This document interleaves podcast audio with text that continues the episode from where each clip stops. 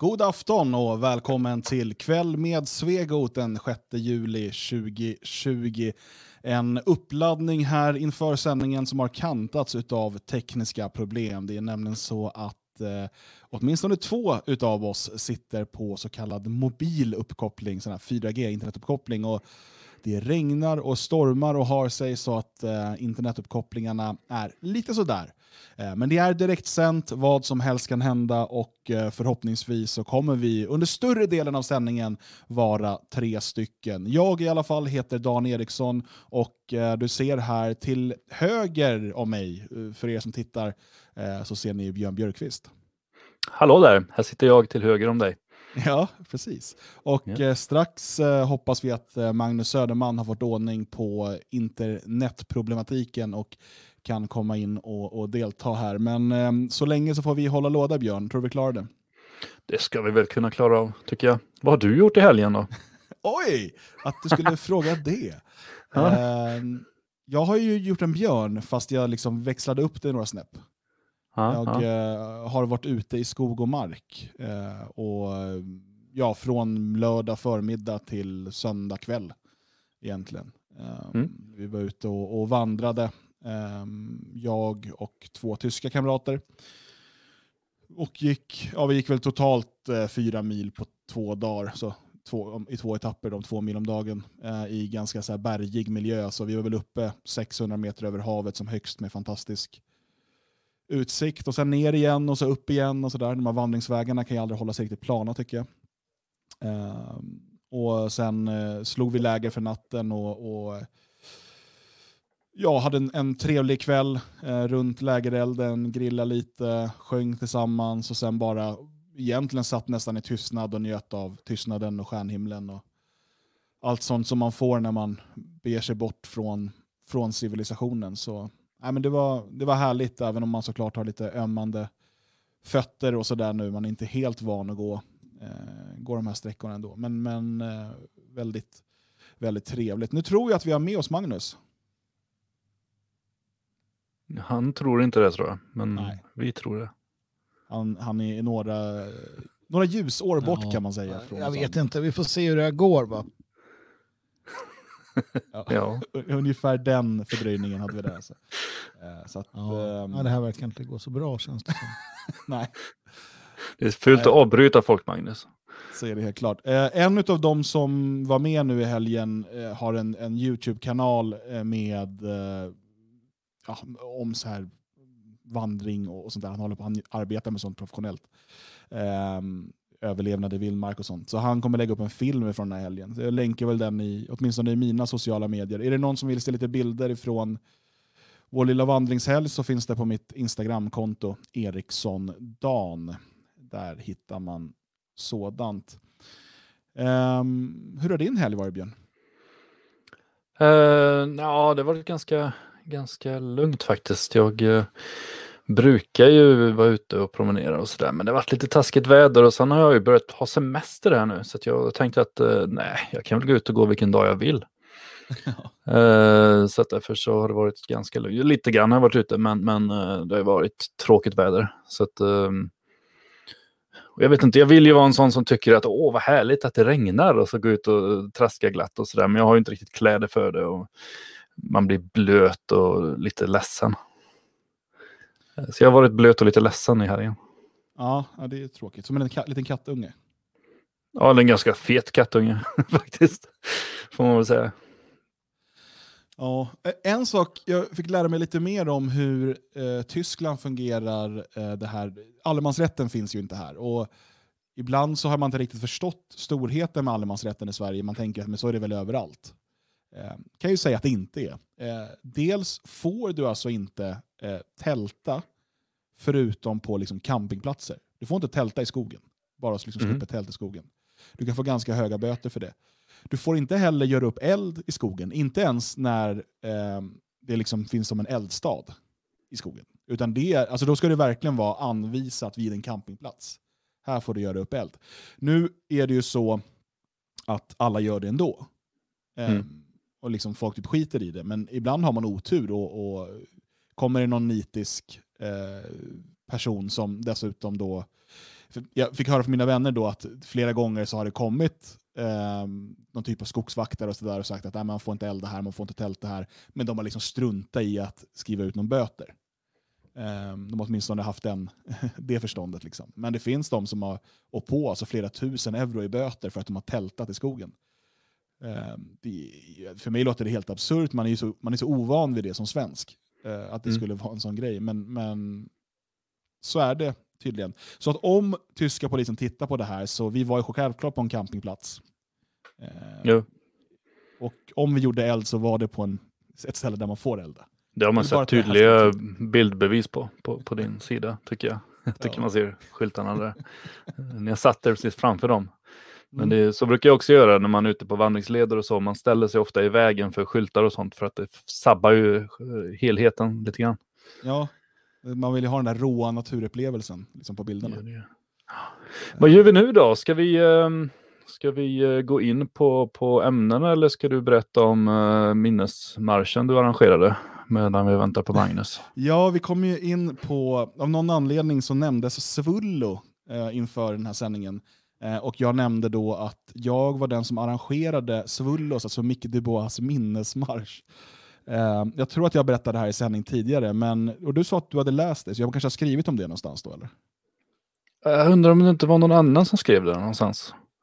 Men Typ det stod på- i Expressen också att jag var arrangör, så att det kanske var... Ja, jag tror det var på nationell.nu eller något som någon skrev det, att vi måste uppmärksamma Dan Eriksson som inte bara är en nationell profil utan även arrangerade den här minnesmarschen. Och jag tyckte det var, eh, ja, det är klart att vi måste. Ja, det, är, ju- det är ju en av de konstigare saker jag har gjort. Eh, och eh, ännu konstigare att jag själv inte deltog på den. Eh, utan jag tror, jag, det här är ju länge sedan, jag, jag vet inte riktigt när han dog, det går säkert att, att få fram.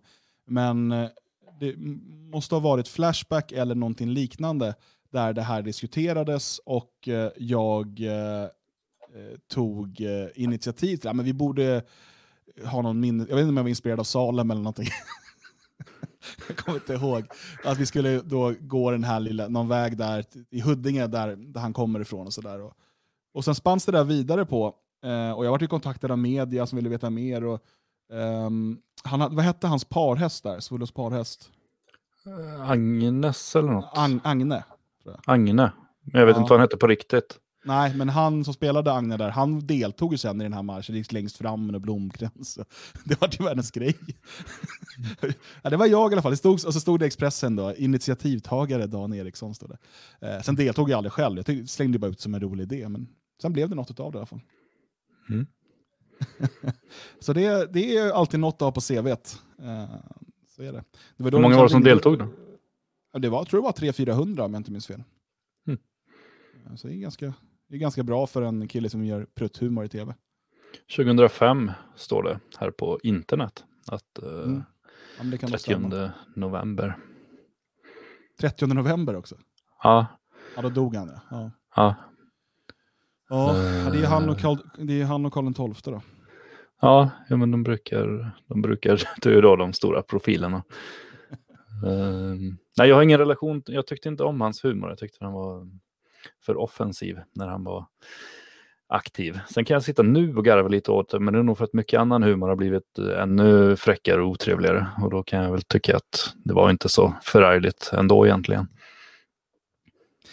Jag kan ju då erkänna här nu, hoppas att media inte tar tag i det här, men jag var ju inte heller någon stort Svullo-fan. Utan det var mer som att han var en del av ens uppväxt på något sätt. Eh, Mm. Så att det var så ah, ah, vad tråkigt att han är död liksom. Och så, vi borde göra Mm. något. Jättekonstigt.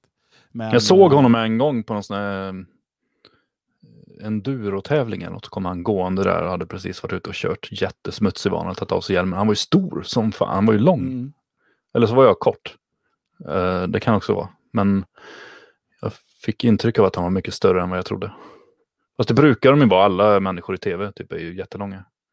Jag tycker det blir tvärtom. Jag tycker alltid de ser mindre ut när man väl träffar dem. Eh, men, Jag vet inte ja. vilka du träffar. Eh, I och för sig, jag, jag har sprungit på, Ulf innan han dog också, Ulf Larsson. Han var lång. Men Ja, jag, du det var ser. precis efter han hade gått ner i vikt, så han såg sådär läskig ut. mm. Eh, det var- det obehagligt. Eh, nej, men eh, vi ska nog inte fastna för mycket i det. Jag, tror, jag vet inte om, om Magnus kommer komma in, eh, så i värsta, fall, i värsta fall måste vi klara det här själva, Björn. Huh. Ja. Och då räcker det inte med svullo här som anteckning, utan vi får nästan gå in på programmet då. Ja, jag, jag tänker också det. Kan jag bara börja med att liksom säga grattis till oss själva. Eh, det fria Sverige skickade nämligen i slutet av förra veckan ut medlemskort nummer 2000. Eh, så det är ännu en milstolpe i eh, föreningens eh, historia. Eh, och det är en Jim ifrån Gävleborg som kommer få det här hemskickat och kunna stoltsera med en så jämn och fin siffra på sitt medlemskort. Inte illa pinkat, så nu går vi för 3000 här då. Det blir väl nästa stora milstolpe. Men för att komma till programmet, eh, vi ska börja i Balkan. Mm. Börja mm. i Balkan, eh, helt enkelt. Och det har ju nämligen hållits eh, val igår i Kroatien. Det har gått att eh, rösta som i så många andra länder då, ganska långt innan. Men igår var den, den stora valdagen. Och Kroatien eh, är speciellt på så sätt att det som en hel del andra forna östländer eh, har en väldigt stor diaspora, väldigt många Eh, kroater som bor utomlands. Så en första reflektion här bara, eh, som jag tycker är intressant och där man kan se hur Sverige är väldigt annorlunda mot andra länder. I Kroatien och i det kroatiska parlamentet så har man tre parlamentsplatser som är det som man kallar för det elfte valdistriktet. Och med det elfte valdistriktet menar man då diasporan, alltså de kroater som bor utomlands. Så de har då tre platser de får välja som på något sätt då representerar kroaterna i exil. Jag eh, tycker det är intressant också när man, eh, det var inte länge sedan som Tobias Hübinette la upp på Twitter att han hade fått munskydd skickade till sig ifrån den eh, sydkoreanska regeringen. Mm. Eh, då är det alltså så att den sydkoreanska regeringen har då skickat eh, munskydd till eh, etniska sydkoreaner i hela världen. Som man på något sätt då har, liksom, alltså, äh, vare sig de är adopterade eller utvandrade, vare sig de har medborgarskap eller inte. Eh, så ser man det som deras ansvar. Eh, att liksom, ja, men de är sydkoreaner, så vi ser till att de ska ha munskydd här, var de än bor. Um, och, så det är ett sätt att se på liksom, vilka är vi och så vidare. Och så kollar man på Kroatien då, som, där människor som är utflyttade och till och med kanske inte ens är första generationen, ska vara andra generationens. Visserligen ska de vara medborgare, men de, de liksom, sedan länge utflyttade, de har egna platser i parlamentet. Det är så att i Sverige till exempel så kan du ju även som utlandssvensk, om du är medborgare, kan du ju rösta i riksdagsvalet. Men det mm. räknas ju som, som alla andra röster. Eh, här är det då tre platser. Men var räknas de någonstans egentligen? Alltså för, för att om jag bor i, i typ Stockholm, då blir det ju det distriktet som jag röstar för på min politiker. Och så blir det ju en politiker som vi tillsammans röstar fram. Mm. Eh, men de utlandssvenska rösterna som inte är skrivna någonstans, vart hamnar de någonstans i, i, i vilket distrikt? Jag vet faktiskt inte om det är någon allmän lista, det är en bra fråga. Eh, men jag vet åtminstone att vi inte har några, av, några liksom bestämda platser för utlandssvenskars röster i parlamentet. Nej. Eh, och, så det är ju åtminstone eh, en intressant skillnad där. Um, och ännu Men de, de som de röstar in då, är det också bara utflyttade människor? Nej, det behöver de inte vara. Utan Nej. det är så, så har jag i alla fall inte förstått det. Jag pratade idag med min eh, kroatiska vän Ivan Bilokapic som var och talade hos oss på sommarfesten hos Det fria Sverige i förra sommaren och, och försökt förstå det här systemet. Eh, men som jag förstår det kan de rösta på vem de vill, men att det blir avvägt då, så de här tre platserna ska då representera eh, utlandskroaterna på något sätt. Um, så, så, det är ju väldigt intressant. Och, och, En annan intressant sak nu med det här kroatiska valet är ju att vi har sett eh, stora nationalistiska framgångar. Eh, och Jag har försökt liksom, rota lite i det här och prata med min kroatiska vän och så, men det verkar som att det är första gången sedan man började hålla demokratiska val för 30 år sedan som liksom, nationalistiska krafter eh, har gått ihop på en gemensam lista de har som så många andra länder haft problem med liksom massor av småpartier och eh, interna stridigheter. och så här. Det här känner vi alla till från alla länder. Eh, men att man nu lyckades då gå på en gemensam lista eh, och eh, därmed också få vad som verkar bli nu 16 platser i parlamentet. Eh, utav 151 tror jag det är. Um, och, eh, så, så det är ju väldigt, väldigt glädjande. Och det, på den här listan till parlamentet, vi vet inte riktigt än vilka personer som får platserna, eh, så finns ju bland annat då professor Tomislav Sunic, som jag tror många svenskar känner till. Eh, och eh, Han är ju verkligen liksom en, en nationalist i så som vi tänker kring nationalism. Eh, Men han är också en väldigt positiv kraft tror jag för, för um, området. För jag har ju hört honom sitta och prata tillsammans med andra kroater som har varit väldigt um, mycket för um, fientlighet mot de andra gamla jugoslaviska folkgrupperna. Mm. Uh, vilket han ju inte har varit utan han har ju snarare hamnat i konflikt med många kroater för att han vill ena eh, människorna. Han vill inte skapa ett nytt Jugoslavien, men han vill, ser ingen anledning till att fortsätta konflikten.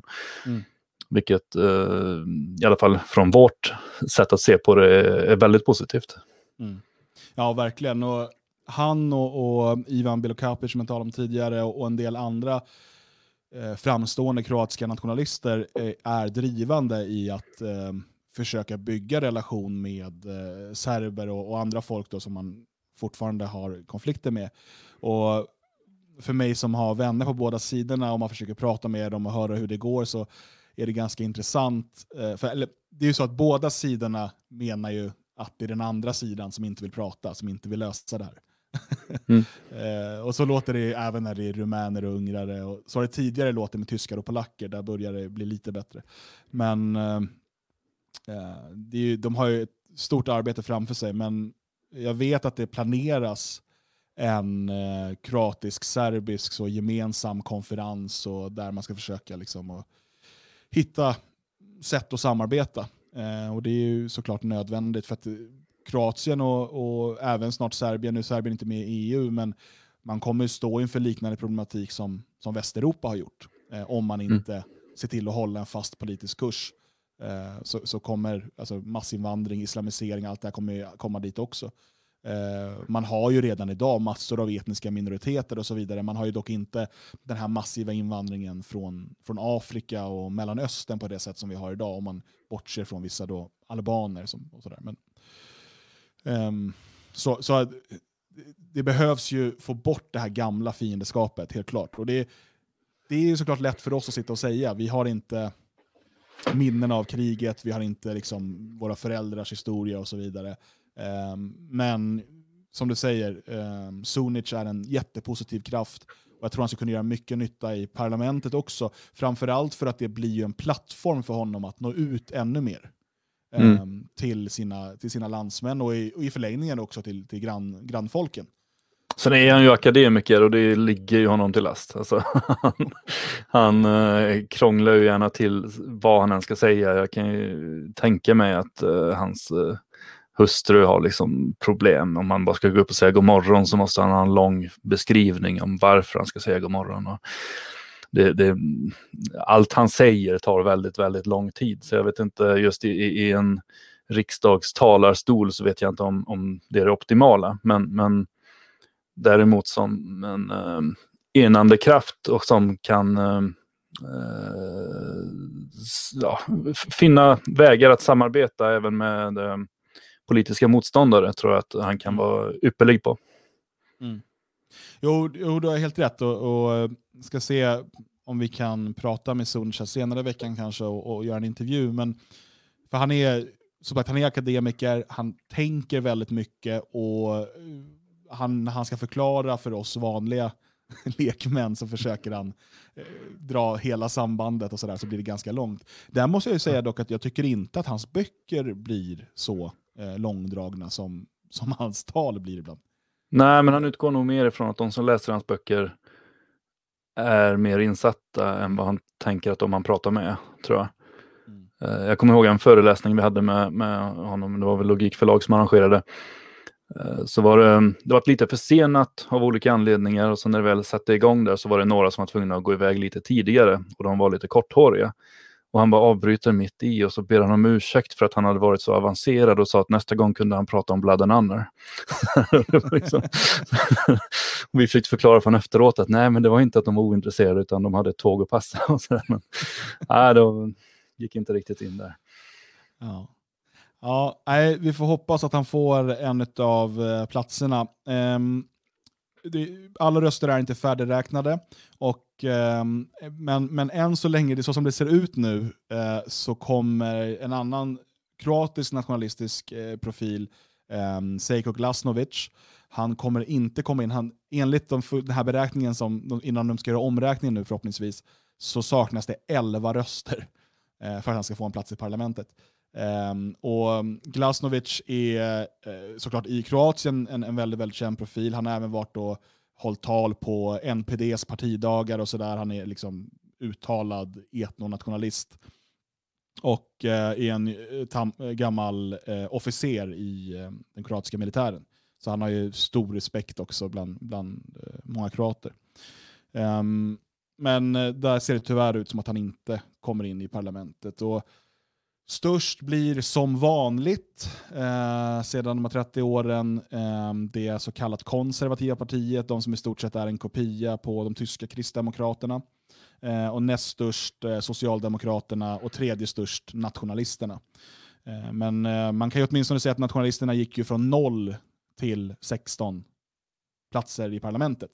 Mm. Vi pratar då alltså över 10% av rösterna det är ju faktiskt, eh, det måste man hur som helst se som en stor framgång för ett, ett helt nytt parti. Jo, men visst är det det. Och, och någonstans måste man ju börja. Det, det är ju sällan partier går från noll till hundra. Så att, um, sen kommer ju säkert, i och med att det är sammanslagning av olika partier, så vi kommer säkert se en och annan som faller bort och det kommer säkert bli en del konflikter mellan dem. Men nu när de har börjat få in en fot så kanske om det skulle bli splittringar så kanske två eller tre partier kommer in nästa gång. Mm. Så att, eh, jag tror att nej, men det är väldigt positivt. Så är det. Och det här partiet eh, leds då av eh, Miroslav Skoro som är eh, en folkkär sångare. Eh, han sjunger folkmusik helt enkelt. Vi kommer lyssna på faktiskt en av hans låtar i musikpausen sen senare och eh, heter på svenska hembygdsrörelsen eller hemlandsrörelsen. Um, och uh, vi får hoppas att det här kan uh, fortsätta bära frukt i Kroatien.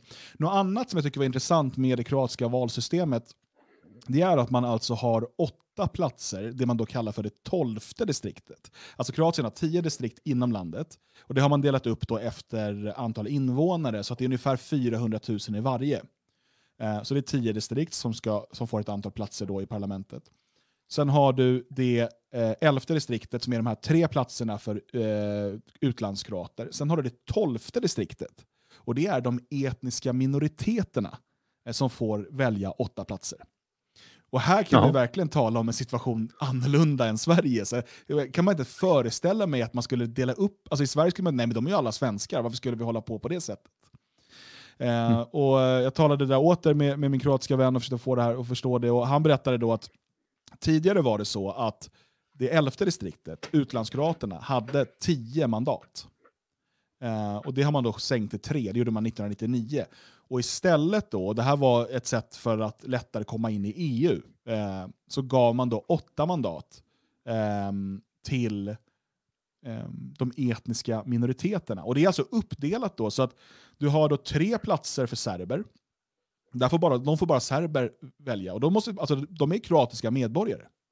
Men de är serber. Alltså, det finns skillnad på etnicitet och medborgarskap i resten av världen. Det är bara i Sverige vi tror att det är samma sak. Men de får uh, välja annat? Eller de, nej, de får var, välja? Jag, jag, nej, så som jag förstår det får de bara välja sin företrädare då. Ja. Så de får välja liksom någon serb som företräder dem.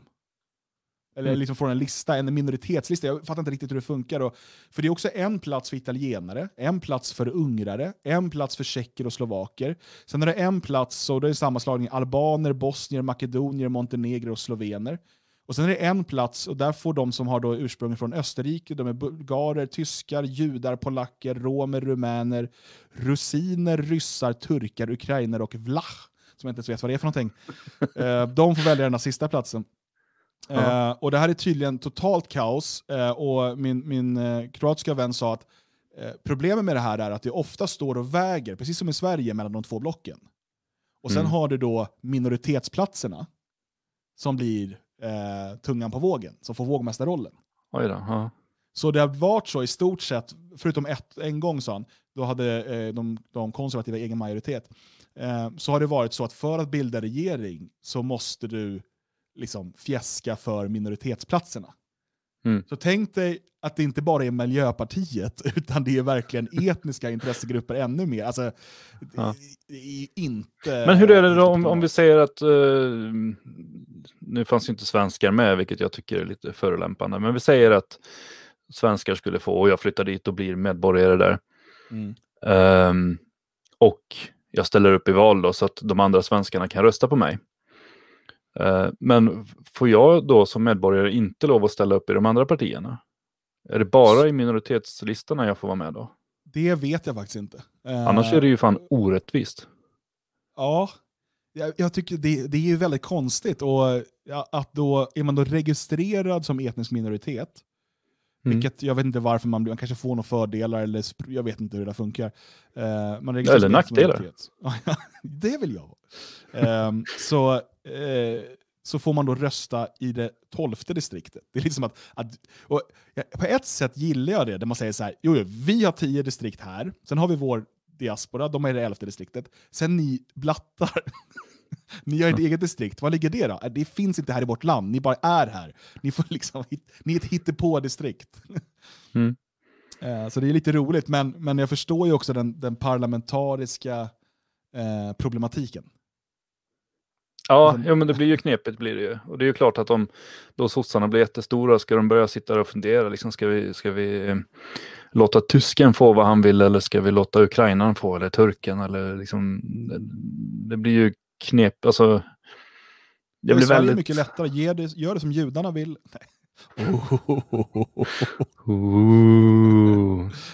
Shut down. Vi ser om det klipps ner det här programmet. Det försvinner för alltid. Eh, nej, men, men så eh, nationalistiska framgångar i Kroatien, sånt kan vi alltid glädja oss åt, vart, vart det än går framåt. Och jag pratade som sagt med, med vår vän Ivan och han sa att eh, det här är absolut inga chauvinister. Eh, och det var det som vi var inne på, lite, man är alltid orolig för det. Eh, utan just i den frågan så är, är man väldigt progressiv. Inte i andra frågor dock. Där, där är man antiprogressiv. Mm. Nej, men det är nog snarare risk att till exempel sossar där borta är, är väldigt mycket för att skapa konflikter med grannländerna och så skulle jag tro jag eh, var i Irak för ett gäng år sedan, början av 2000-talet, och blev sittande med, med eh, eh, vad var han? Han var väl serb, serbisk socialdemokrat.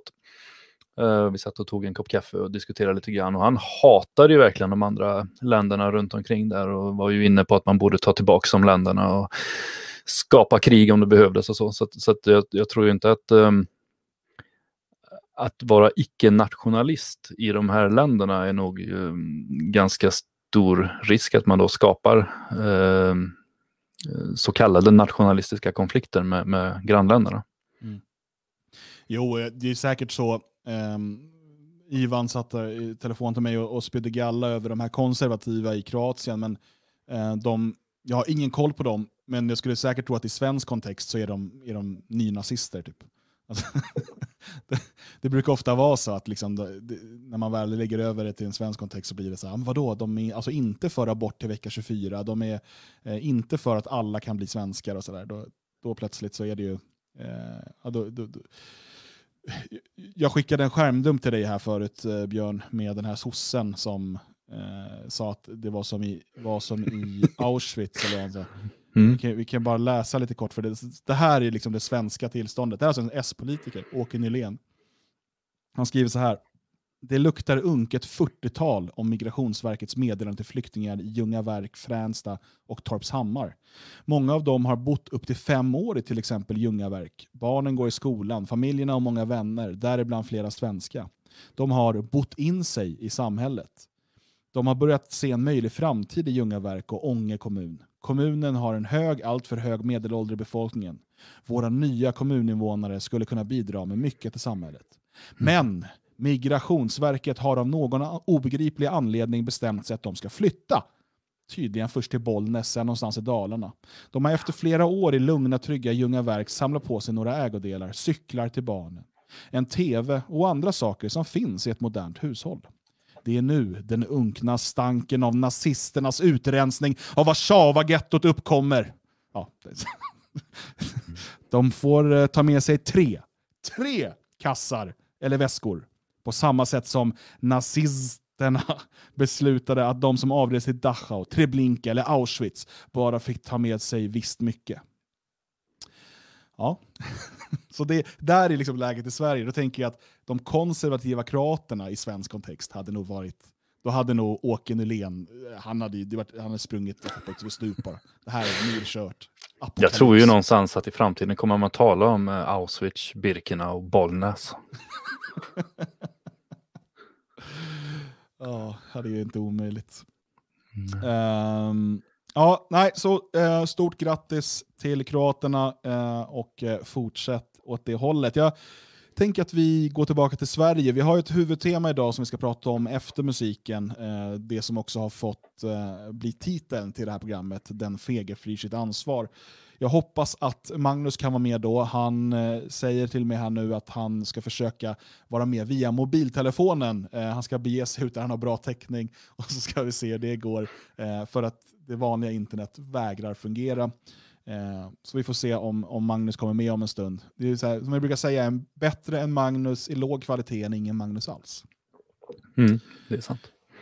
Så jag tänker att vi ska prata om eh, Sverige och migrationsöverenskommelsen. Eh, det här har ju varit eh, ganska mycket i medierna de, den senaste veckan. Eh, att eh, framförallt då Socialdemokraterna och de borgerliga partierna ska försöka hitta en bred överenskommelse i migrationspolitiken. Eh, och Miljöpartiet har varit ute och hotat att lämna regeringen ifall det eh, införs ett volymmål. Eh, kan jag bara börja där? Alltså ett volymmål är ju egentligen då att säga att ja, men vi ska försöka se till att det inte är fler än 20 000 eller 40 000 som söker asyl i Sverige. Eh, och Det här kan man ju reglera med olika pulleffekter till exempel. Eh, för att det man säger, ja men det går inte att säga så för att då bryter man mot internationella avtal. Det är ju inte sant, för att det är inte så att eh, asylsökande söker sig var helst i världen det är fred. Det är inte så eh, att Ungern har lika många asylsökande som Sverige till exempel. Och det är ju inte för att klimatet i Sverige är bättre eller sådär. Det är inte det som gör, utan det är för att man ser fler förmåner eh, i Sverige ekonomiskt eh, och man har eh, kanske släktingar här. Man har, det finns massa sådana saker som är olika pullfaktorer. Eh, och De här kan man ju då reglera genom att säga till exempel, ja visst, du får komma hit men du kommer inte få ta hit släktingar.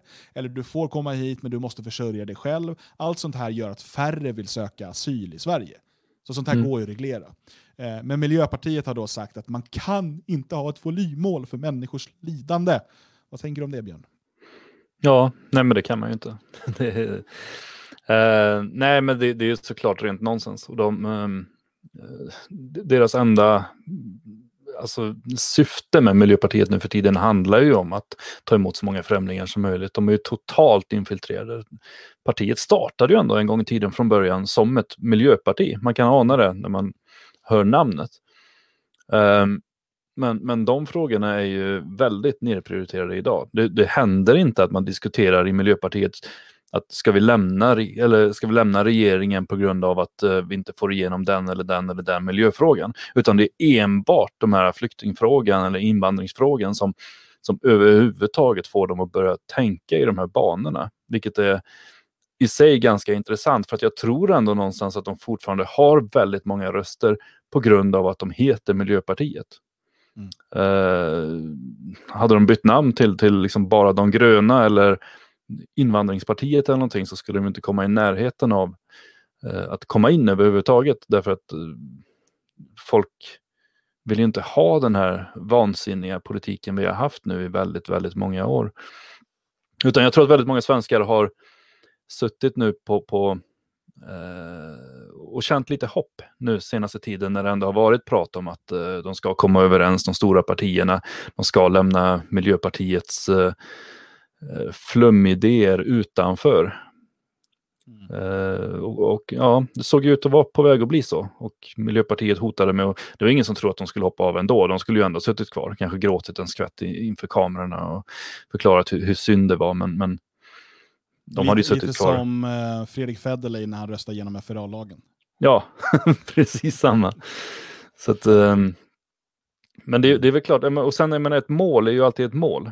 Man, man kan ju säga att ja, men vi borde inte ta emot så många, vår målsättning, hade de bara liksom satt sig ner i båten lite grann och lugnat sig och kommit överens om att nu är vårt mål att det bara ska komma 15 000 asylsökande. Och sen när året är slut så visar det sig att nej, det kom 100 000. Ja, ja, vi hade ett mål i alla fall och så kan alla vara glada. I, alltså, vi hade ju mål de... om att ha Sveriges lägsta arbetslöshet, eller EUs lägsta arbetslöshet 2020. Ja, det, var också det är mål. också ett mål. Alltså, det är ju, ingen trodde ju på det. Det är samma sak där. Sossarna skulle säga, ja alltså, vi har ju ett mål nu om 10 000 asylsökande per år. Ja, mm. Ni har ett mål om det, men ingen tror på er. Det är precis samma sak där. Nej, men sen uh, inte göra någonting åt det. Så, så hade det ju uh, lugnat ner diskussionen lite grann. Men det är bra att de inte gör det, för att nu kommer ju diskussionen fortsätta. Och det, det, det, mm, ju mer den fortsätter fram till kommande val, desto större chans är det att Miljöpartiet försvinner. Förhoppningsvis ja. Jag tror att de eh, återigen kommer få en hel del stödröster, men frågan är om det, om det räcker den här gången. Eh, jag tror att många av deras liksom, liberala, gröna väljare går till, ehm, till Centern. Eh, och många av de här mer vänsterbetonade kommer nog gå till Vänsterpartiet. Lite beroende på hur bra den här Dadgostar som kommit över efter Jonas Sjöstedt, hur hon sköter sig. Men det är väl, mm. eh, det är väl progressivt med en rasifierad kvinna antar jag, så det är väl många som kommer, ut, alltså, ur den målgruppen som kommer gilla det. Eh, och är det någonting som Miljöpartiet inte klarar av så är det ju att skaka fram eh, karismatiska företrädare. Eh, jag tror att de hade liksom Gustaf Fridolin, vad vi än tycker om honom, men jag tror att många, han, han ser ut som en svärmorsdröm, en liten pojke. Liksom. Ja, men Fridolin var ju, han var ju duktig och han, ja. han var ju politiskt väldigt, väldigt begåvad, även om han hade fel i allt han sa. Så var han ju, och dessutom sympatisk. Uh, det är nog den, alltså ur deras synpunkt, det absolut starkaste kortet de någonsin har haft. Sen kanske Birger Schlaug till exempel också uh, hade sina fördelar. Men um, nu vet jag inte. vi eh, börjar ens fundera vilka är det som sitter där nu. Jag har ingen aning. Är det Bolund? Eller han? Ja, jag, faktiskt, jag, nu fuskgooglade jag för att jag inte, var inte säker. Men ja, Per Bolund och Isabella Lövin. Ja, och det, det, det, de lyckas inte särskilt bra. De har liksom alltså upp mot en majoritet av journalisterna i public service på sin sida och ändå lyckas de, de inte ens hamra ut vilka som är deras eh, språkrör. Eh, vilket talar ganska mycket för vilket, eh, vilken situation partiet befinner sig i. Nu kanske de kan eh, få lite uppmärksamhet genom att de då lyckas eh, rädda massinvandringen och en och annan besatt flyktingkramare kommer säkert fortsätta lägga sin röst på dem. Men kommer det, visar det sig sen inför nästa val att de ligger någonstans runt 2% så är det nog ganska stor risk att åtminstone 1 till sticker därifrån för att de vill att deras röst ska leda någonstans och inte bara bli på ett parti som ändå inte finns. Mm. Nej, men så, så är det. Och, um, det gör mig inte så mycket faktiskt om MP åker ur riksdagen. Alltså. det, det, är helt okej. Okay. Eh, det betyder ju för sig att de andra partierna får fler mandat att dela på. Det är ju det är också illa i sig, men det kanske blir aningen mindre dåligt. Ja, um, nej, men ehm. man får ju se, men det hade nog varit ganska bra om, om de stack och gärna Liberalerna också. Uh, det kan ju hinna hända mycket. Det, det, kan ju vara partier som framstår som ganska stora just nu som kan uh, ramla ner också. Men, men just de två hade ju varit bra om de stack. Liberalerna må verka liksom lite grann åt, åt uh, högerblocket just nu, men, men historiskt sett så vet vi att det, det är ju det största landsförrädarpartiet vi har haft mm. och sannolikt kommer ha. De vänder inte över en dag, utan de kommer fortsätta med, med sin uh, politik som välter landet till varje pris. Mm. Jo, och jag eh, tycker också även att Centerpartiet har ju förlorat eh, sin medvind som de hade väldigt starkt fram till förra valet egentligen. Jag tycker att de har eh, efter novemberöverenskommelsen och sådär så, så har de ju hamnat eh, lite i skuggan. Och det är väl ganska naturligt när man på något sätt är regeringsunderlag. Det är svårt Mm. att bedriva en offensiv eh, oppositionspolitik. När du liksom är, är en del av regeringsunderlaget åtminstone. Jo, jo, men det blir ju konstigt. Men all, inga partier har ju det här, den här mandatperioden egentligen kunnat visa sig eh, vad de tycker. Eller ja, det, det är ju Moderaterna och, och Sverigedemokraterna i princip.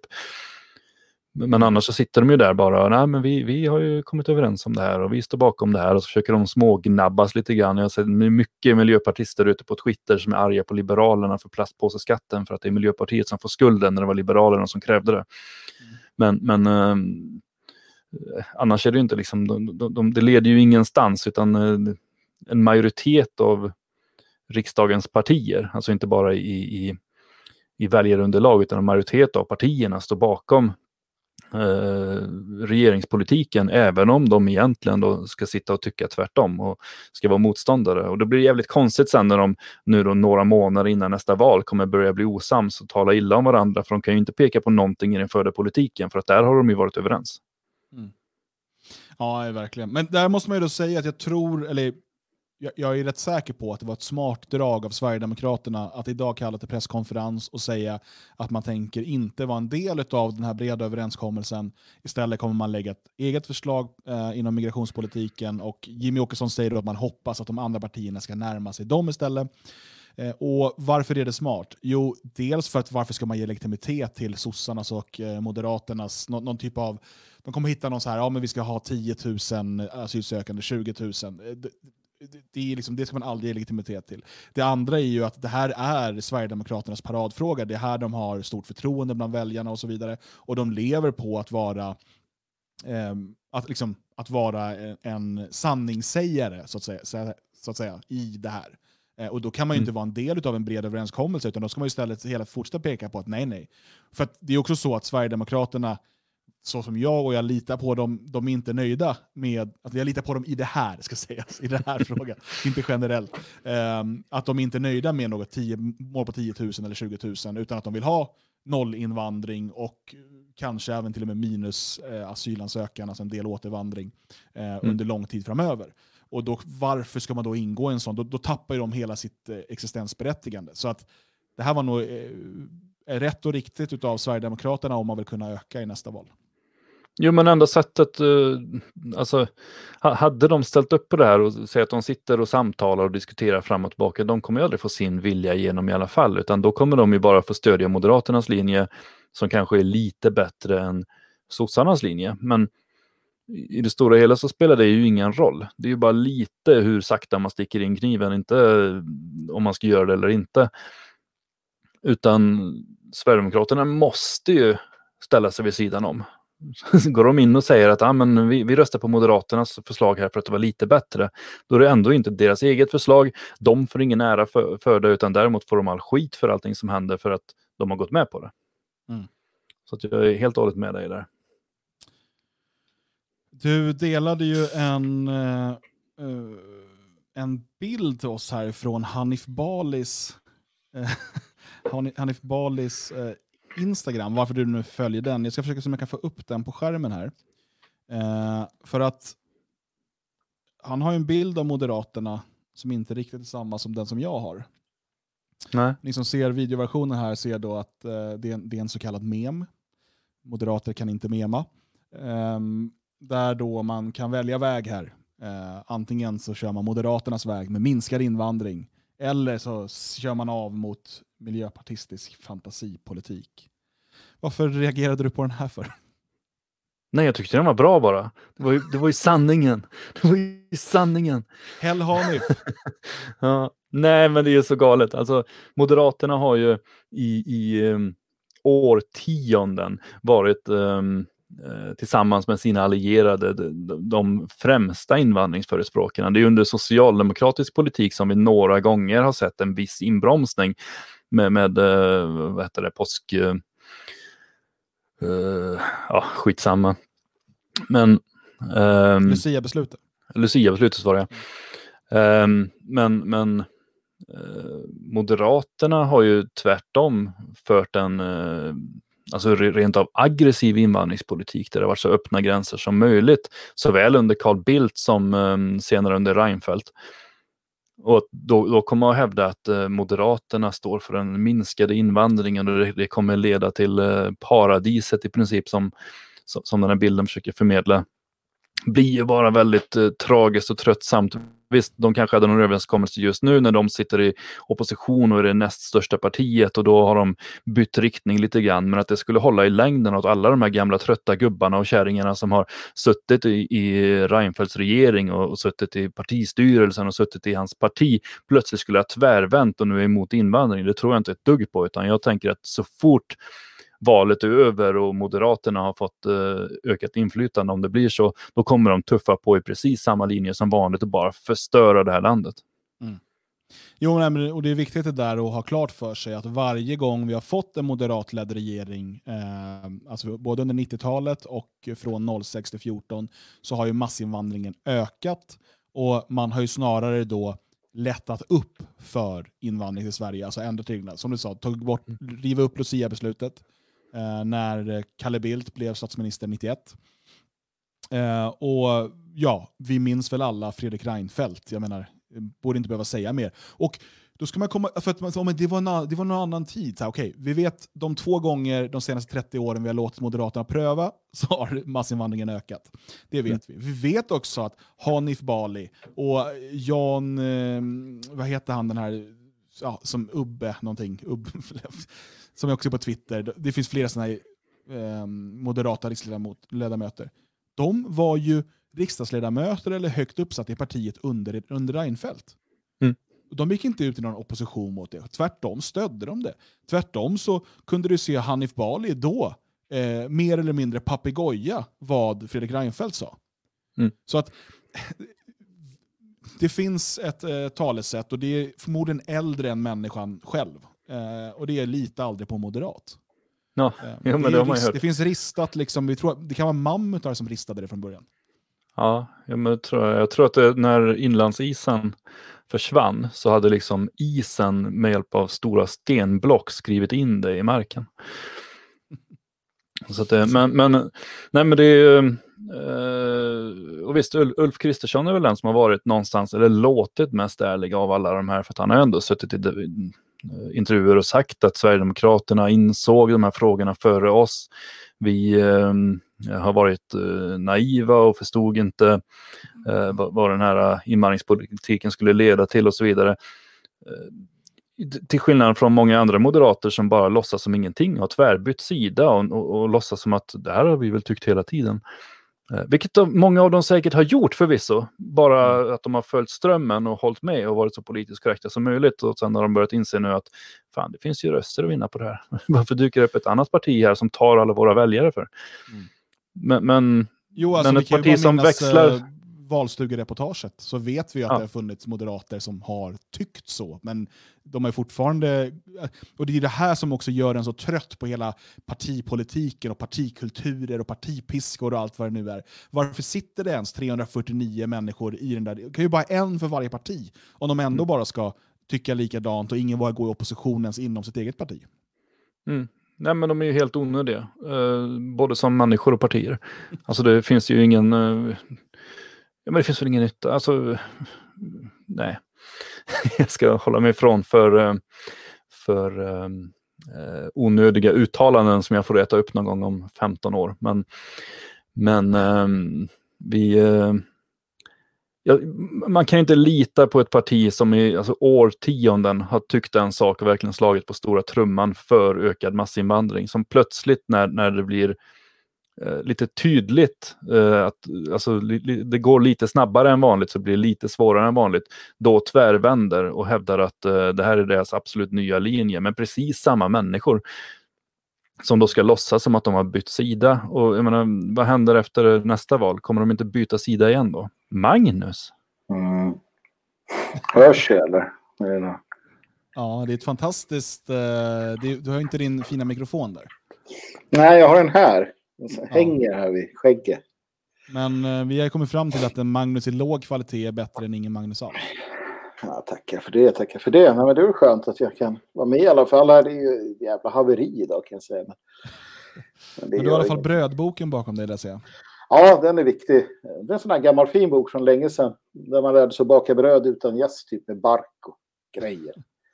Och eh, det är också ditt sätt att visa att du är emot LCHF. Ja, nej men vad fan, alla ska ju vara så präktiga och ha såna konstiga försaker för sig. Det ska inte ätas det och drickas det och sådär. Då vill jag vara också präktig och så här surdeg och bröd och jag vet inte. Drick vanligt vatten för det är jod i det eller någonting. Jag vet inte. Jag är, på, jag är på ett sånt humör idag. Ja, Vad har ni pratat om då? Eh, vi har pratat Kroatien, vi har pratat migrationsöverenskommelsen och jag tänkte att vi nu, Ehm, då när vi ändå pratar om migrationsöverenskommelsen, ska titta på den här ehm, senaste opinionsundersökningen om svenskarnas inställning till asylsökande. För att den här typen av opinionsinställning är ju också det som gör att man nu försöker hitta en bred överenskommelse. Det är det som gör att Ulf Kristersson nu låtsas vara emot invandring, eller i alla fall mot stor invandring. Det är ju för att eh, man ser åt vilket eh, håll det barkar. Och eh, man vill inte låta Sverigedemokraterna få för stor bit av den här kakan. Eh, det är ju ändå deras eh, uppehälle. Eh, det är ju inte, inte bra för karriären om Sverigedemokraterna går framåt så att säga. För det kan vi väl konstatera att för de allra flesta av dem där är det så de tänker, åtminstone undermedvetet. Att det här är inte bra för min lön ifall Sverigedemokraterna går framåt. Eh, det är ungefär så långt deras, ehm, deras solidaritet sträcker sig. Ehm, det är alltså då SVT Novus som gör en eh, opinionsundersökning varannat år. Eh, och ehm, på den här frågan då, anser du att Sverige ska ta emot fler eller färre asylsökande? Så är det då 63 procent, ehm, och då är alltså färre asylsökande än 2019. Eh, då ungefär 22 000 sökte asyl. Det där är också en ful siffra, för man delade ut ungefär 100 000 uppehållstillstånd. Men det är för att vi har en stor backlog och liksom gå igenom. Men 22 000 sökte asyl under förra året. Eh, och då har man inte räknat in anhöriginvandring i det heller. Hur som helst. Ska vi ha färre eller fler än 2019? Och då säger då 63 procent eh, att vi bör ha färre. 19 procent ungefär lika många.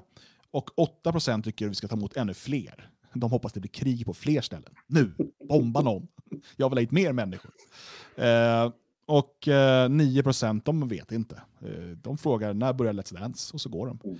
Ehm, och eh, Det här är ju då en ökning. Då, alltså färre har ökat med 7 procentenheter sedan två år tillbaka.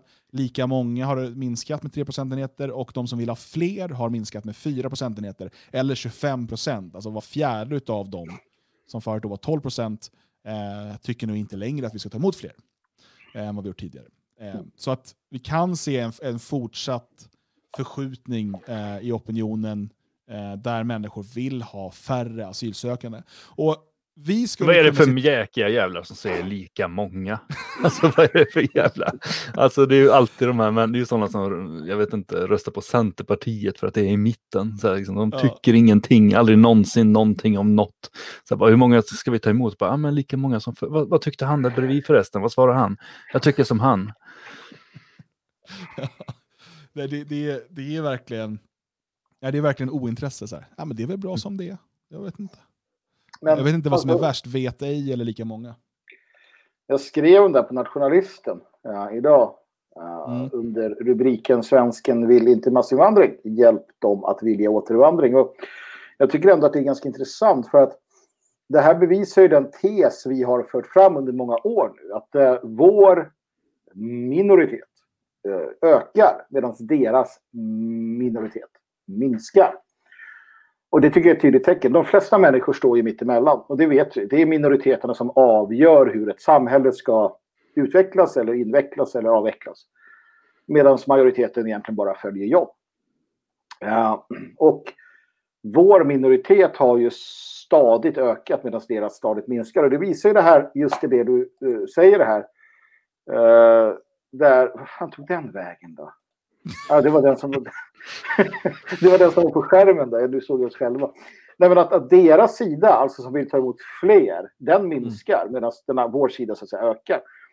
Uh, sen är det här egentligen ingenting nytt i det att det här, så här har det ju alltid varit. Alltså, när vi får chansen, när vi får frågan. Det har hänt en gång. Det har hänt en gång och det var 1988 i Sjöbo. Där man frågar vill ni ha massinvandring i princip. Va? Och då sa man nej. Um, men i övrigt så får vi aldrig frågan ställd till oss. Men när vi får frågan så säger vi nej. Och tittar man på den här undersökningen uh, så ser man ju att när de frågade samma fråga för, uh, för två år sedan. Då var ju mm. fortfarande så 50, 56 procent eller någonting. Mm. Uh, de var nej, vi vill inte ha fler. Och frågar du för ytterligare två år tidigare, då var säkert siffran där i krokarna också. Så hälften av Sveriges befolkning över hälften har inte velat ha det här på väldigt länge. Nej, men så har ju de här undersökningarna typ alltid sett ut. Även mm. på 90-talet och 80-talet. Alltså det spelar ingen roll. Det har varit en, en uh, i stort sett alltid varit en majoritet för minskad invandring. Alltså till och med då, då vi hade betydligt mindre invandring.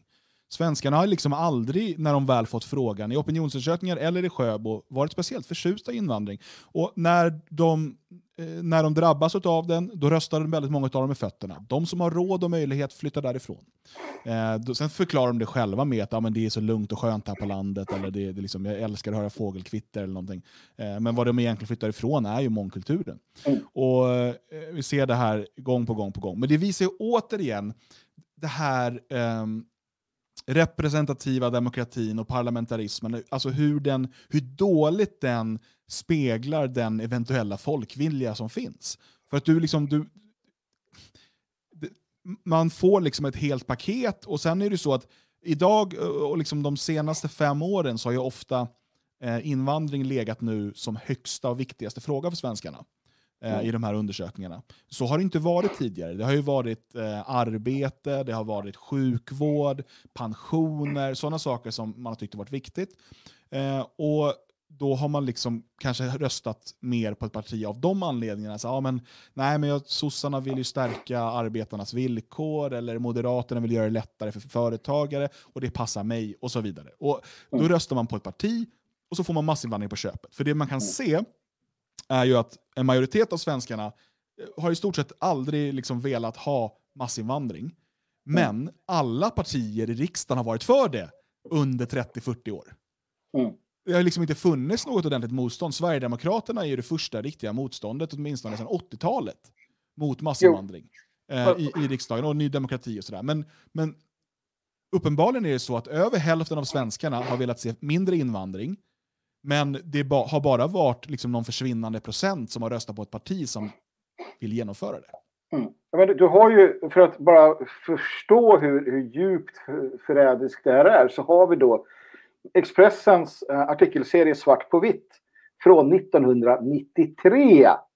1993. Då de konstaterade då, ja, och artikelserien började med en löpsedel tryckt på gult och svart, va, som man brukar ha vid krig eller andra händelser där det stod så tycker svenskarna om invandrarna så stod det kör ut dem med versaler. Och det man konstaterade i den här artikelserien 1993 var att svenska folket, om de fick bestämma, ville köra ut uh, utlänningar, invandrare, asylanter, kalla dem vad du vill. Det, var, det ville svenskarna. Va? Det var 93. Mm.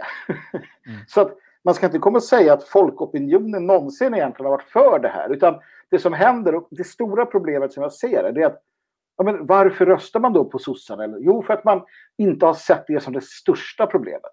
Man har inte sett invandringen som det största problemet. Um, vilket inte heller är så konstigt, för har du bott på de flesta ställen i Sverige under 20-30 år, ja, det har inte du, då har inte du drabbats. Du har inte mm. drabbats. Åtminstone inte direkt, alltså i sådana fall indirekt, men, men alltså att det kanske har blivit sämre resurser till vissa delar av, av den jo, offentliga verksamheten och så. Men nej, och det, och är man inte politiskt intresserad, och så här, vilket de flesta inte är, och det, så, är så är vi människor och det, det är liksom bara att acceptera, eh, så sitter man inte och drar de kopplingarna, utan precis, då är det rimligt att så här, men vänta nu, Jaha, vill eh, sossarna eller så här, de vill se till att eh, eh, vi ska få mer pengar till förskolan här.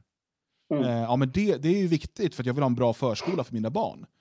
Eh, en invandrare har jag inte sett förutom när jag var inne liksom i, i, eh, i storstan här senast. Då var det ju en ja. hel del. Men, men nej, här finns det ju inte. Det, ja, det är de där finnarna, men de, när de inte har kniv är de ofarliga. Liksom. Men, men det är samma, hur kan man, hur kan man förvänta sig annat? Den här kommunalpolitiken Härket i, i, i Laxå som du hade träffat Dan, som mm. inte förstod att det är samma pengar, som inte förstod att att det här med att pengarna skulle ta slut, att det var jättebra att ta hit en massa invandrare för då fick man en massa pengar. Och nu ska vi bygga det och fixa det och du säger, ja men vänta nu, det här kommer ju upphöra. Så bara, "Eh, va?" Alltså, Mm. hur ska vi förvänta oss att vanligt folk förstår det?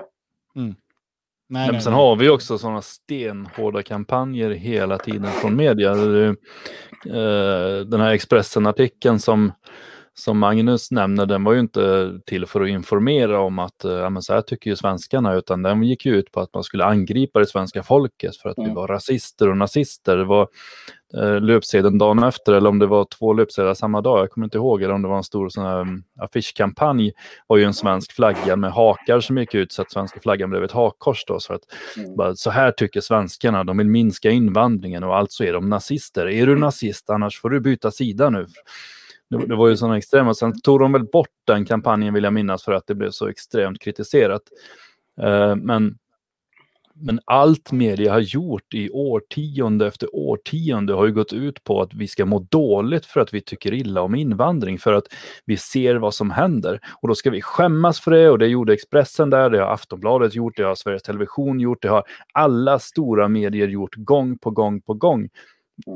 De kan släppa fram någon gång ibland att svenskarna är faktiskt emot, men då är det ju inte för att informera om det, utan då är det för att vi ska må dåligt för det. Vi ska skämmas och de som är antirasister ska få sträcka på sig ytterligare lite grann och känna att de har en viktig kamp att föra och politikerna ska få slänga in ytterligare lite mer pengar på deras kampanjer så att människor förstår rätt. För att det svenska folket har ju förstått och tyckt fel precis hela tiden. Det är bara egentligen den stora journalistkasten som verkligen har förstått vad det här handlar om, att Sverige inte klarar sig utan massinvandring. Mm. Och det, det där var jättetydligt dagen efter som sagt. För att då var ju, eh, jag kollade upp det här nu. Dagen efter så var löpsedeln ta hand om dem. Så Mm. tycker Expressen om invandrare och flyktingar. Ja. Jag menar, Volo- Volodarskans agendajournalistik är ju slänga sig i väggen. Det är ju öppen propaganda. Det, är så här, det här är ju agendasättande journalistik. Svenskarna säger så här, titta de är nazister, de är dumma, eh, Expressen tycker så här, gå med på vår sida. Och sen så ägnade man då eh, flera dagar åt att försöka förklara det här. Då. Eh, Och hur viktigt det var. Så.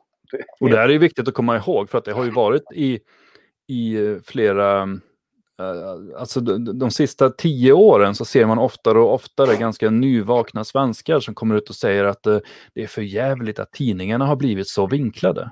Mm. det, det, det har varit mycket, mycket värre än vad det är nu. Ja, ja, nu har ju människor vaknat till och kanske på grund av att tidningarna inte är riktigt lika vinklade eller för att de upptäcker en verklighet där ute som inte tidningarna längre kan vinkla bort. Mm. Men, men media innan internet fanns så kunde de skriva precis vad som helst, hitta på exakt vad de ville och alla trodde på det. Det kunde vara sådana extrema lögnkampanjer mot nationalistiska företrädare för att våra företrädare hade ingen möjlighet att nå ut till några. Visst, de kunde skriva liksom i Patrioten eller i andra tidningar, men det var ingen som läste de tidningarna. En upplaga på Nej.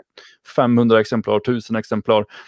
Idag finns ju internet, vilket gör att eh, de de stora alternativmedierna når ut till lika många som Dagens Nyheter och Expressen. Och då kan de inte ljuga på samma sätt. Så att, att komma och prata om att tidningarna har blivit vinklade idag, det är bara för att man har missat vinklingarna tidigare. Men media har alltid varit extremt vinklade. De har alltid varit väldigt eh, noga med att eh, trycka ut eh, det de vill ha sagt. Och det har aldrig någonsin handlat om journalistik, utan det har alltid handlat om propaganda. Mm. Mm. Ja, visst är det så. Visst är det så. Innan vi går till musikpaus så kollar vi bara på den andra eh, frågan här i undersökningen, för den är intressant också. Ehm, för då är ju då frågan, om Sverige hade en gräns på hur många asylsökande Sverige tog emot per år, var skulle den ligga?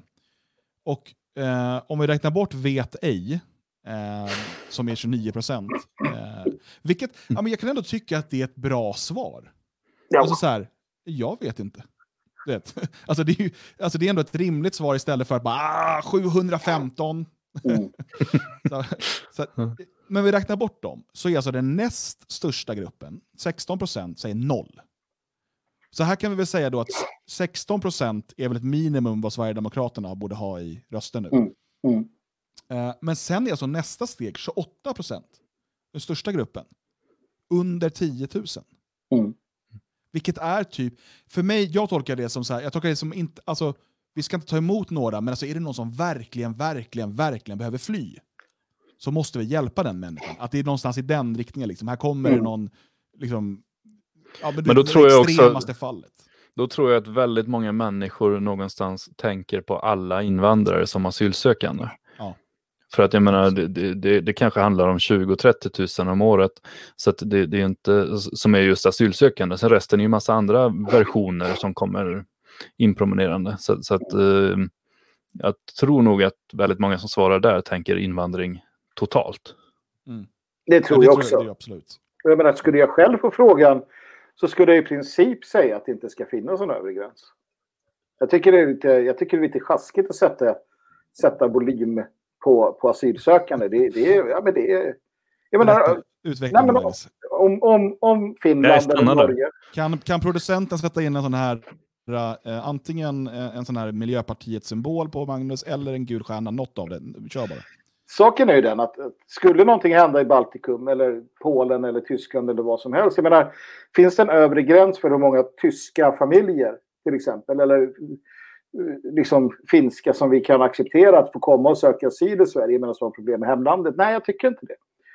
Eh, men jag menar, uh, asylrätten funkar ju inte. Det är ju det som är problemet. För att det handlar om första säkra land och Sverige är inte första säkra land för någon annan uh, än uh, i princip då om något händer i vårt närområde. Så att det är hela den processen som har hamnat ur fel, och, eller hamnat ur, ur led naturligtvis.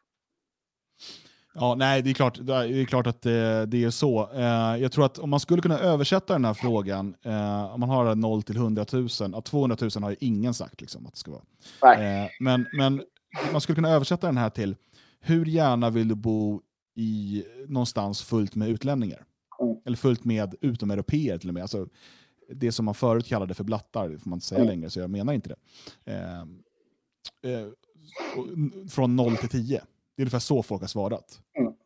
Att det är så här, noll, alltså verkligen absolut inte ett, så här, ja men det är väl okej om någon har en pizzeria. Det är där. Och sen två, det är så här, pizzeria och, ett, ehm, och liksom en, en barberare som är väldigt duktig på turkisk barberarkonst eller någonting. Men sen, sen är det ju liksom, det är ingen som vill ha, och det, jag tycker att det är väldigt intressant med de siffrorna. Så att, att det, det är till och med då, låt oss konstatera, svensken är trött på massinvandring. Mm. Jag måste också säga det, alltså, jag vet inte, det här med, med eh, att gå till utländska barberare. Va? Uh, nu är det ju så, jag är fullt medveten om att det, det är typ det som finns. Gör det själv eller liksom gå till en någon, någon sån där. Men det här de håller på med och så här, tänder eld på folk och du vet. Alltså, jag, jag, ja, men de tänder eld i öronen på människor och näsor och det är hår som... Och så där. Jag har sett på YouTube det där. Det jag tänker, det är... Alltså, och, och så går svenskar dit och, och så här, ja men det är jättebra för den här turken han är jättebra på att klippa skägg.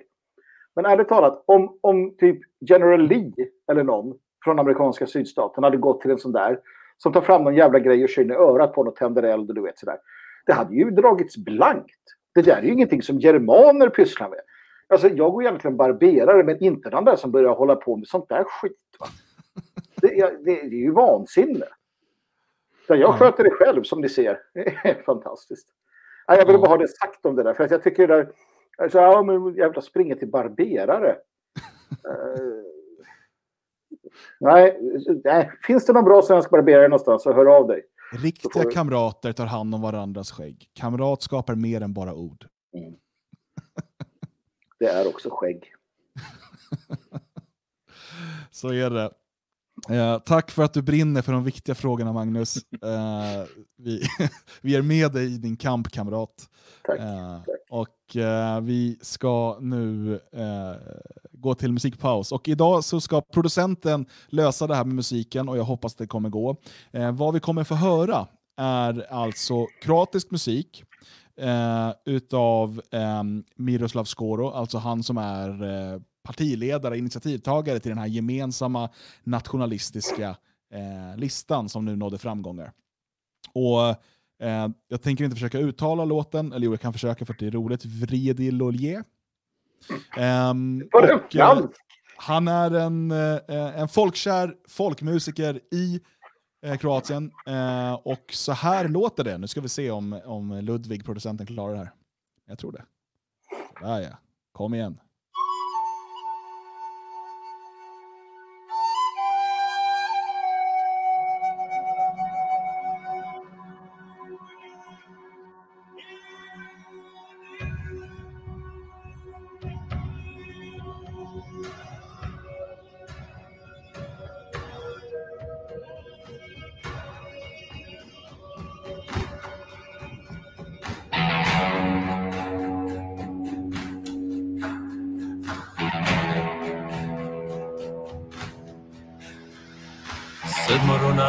Došlo preko rijeke duboke, iz bijele za gorom zemlje daleke. Dvije sestre ljepotice i nas braće pet, a za nama ide silan svijet. Bože moj ljepote svugdje oko nas, ovo bit će naša zemlja, tu je duši spas. Sedam dana hodali smo teška koraka i došli do mora sinjega. Vrijedilo je svake kaplje znoja lica moj. Vrijedilo je jer nas danas blagoslivlja Bog. Vrijedilo je svake kaplje znoja lica moj. Vrijedilo je jer nas danas blagoslivlja Bog.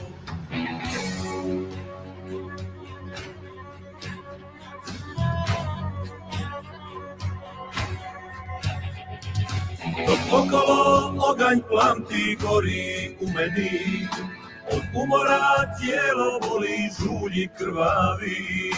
Neka samo nek me boli, nema stajanja, na diku i slavu naroda. Kad ne budem dalje mogo, kad se umorim, i Bog me pozove da mu račun položim.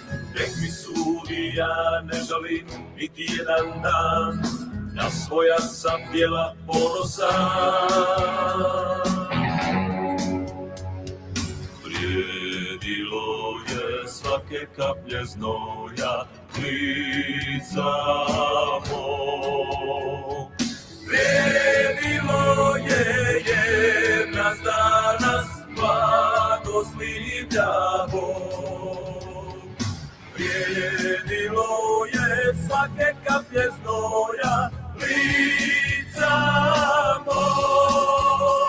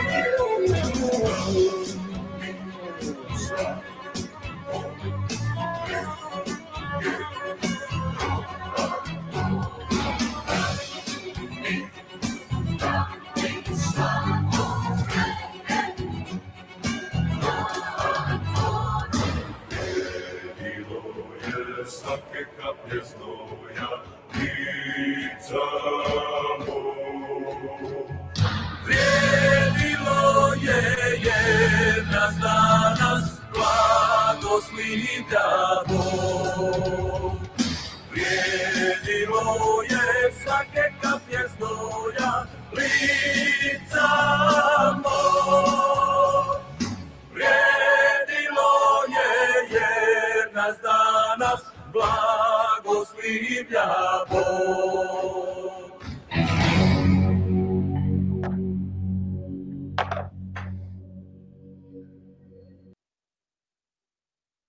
Välkommen tillbaka efter en liten kroatisk eh, musikpaus. Går att höra i full kvalitet på YouTube och Spotify. Eh, denna eh, Miroslav Skoro. Eh, nu tänker jag att vi ska gå över till huvudtemat för kvällen. Och titeln på dagens sändning ehm, är ganska bred. Den fege flyr sitt ansvar. Men det här tar sin utgångspunkt i um, flera olika trender, skulle vi kunna kalla dem. Uh, och jag ska börja med att liksom gå igenom de här trenderna, eller nämna några av dem som jag tänker på.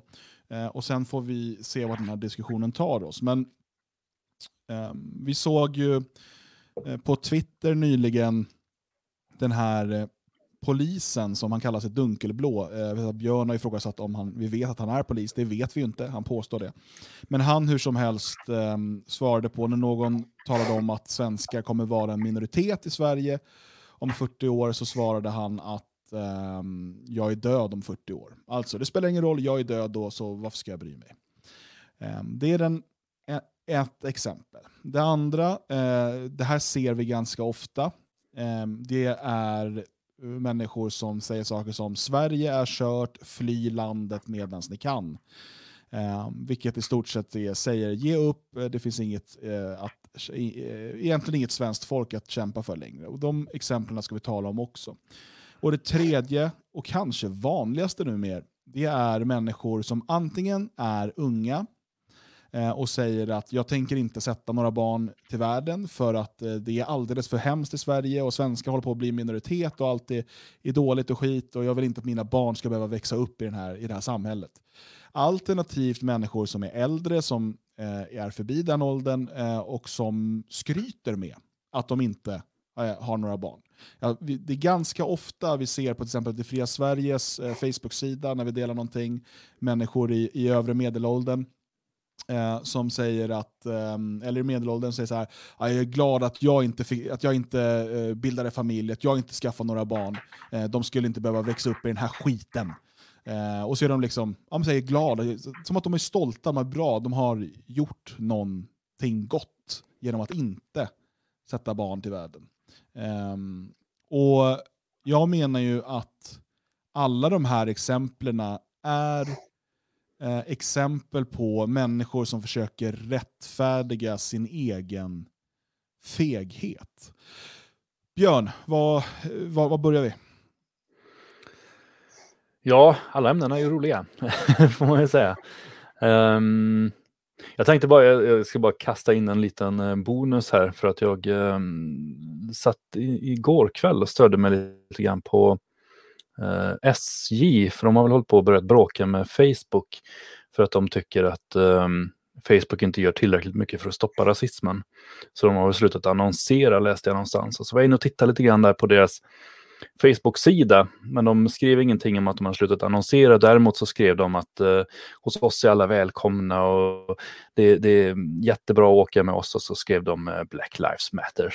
Och jag blev så trött där så jag var ju tvungen att börja in och titta lite grann på ägare och sånt, eller vilka som styr det statliga bolaget och så. Och det är ju en gammal moderatkärring från eh, partistyrelsen, satt tillsammans med Fredrik Reinfeldt i Moderaternas styrelse en gång i tiden.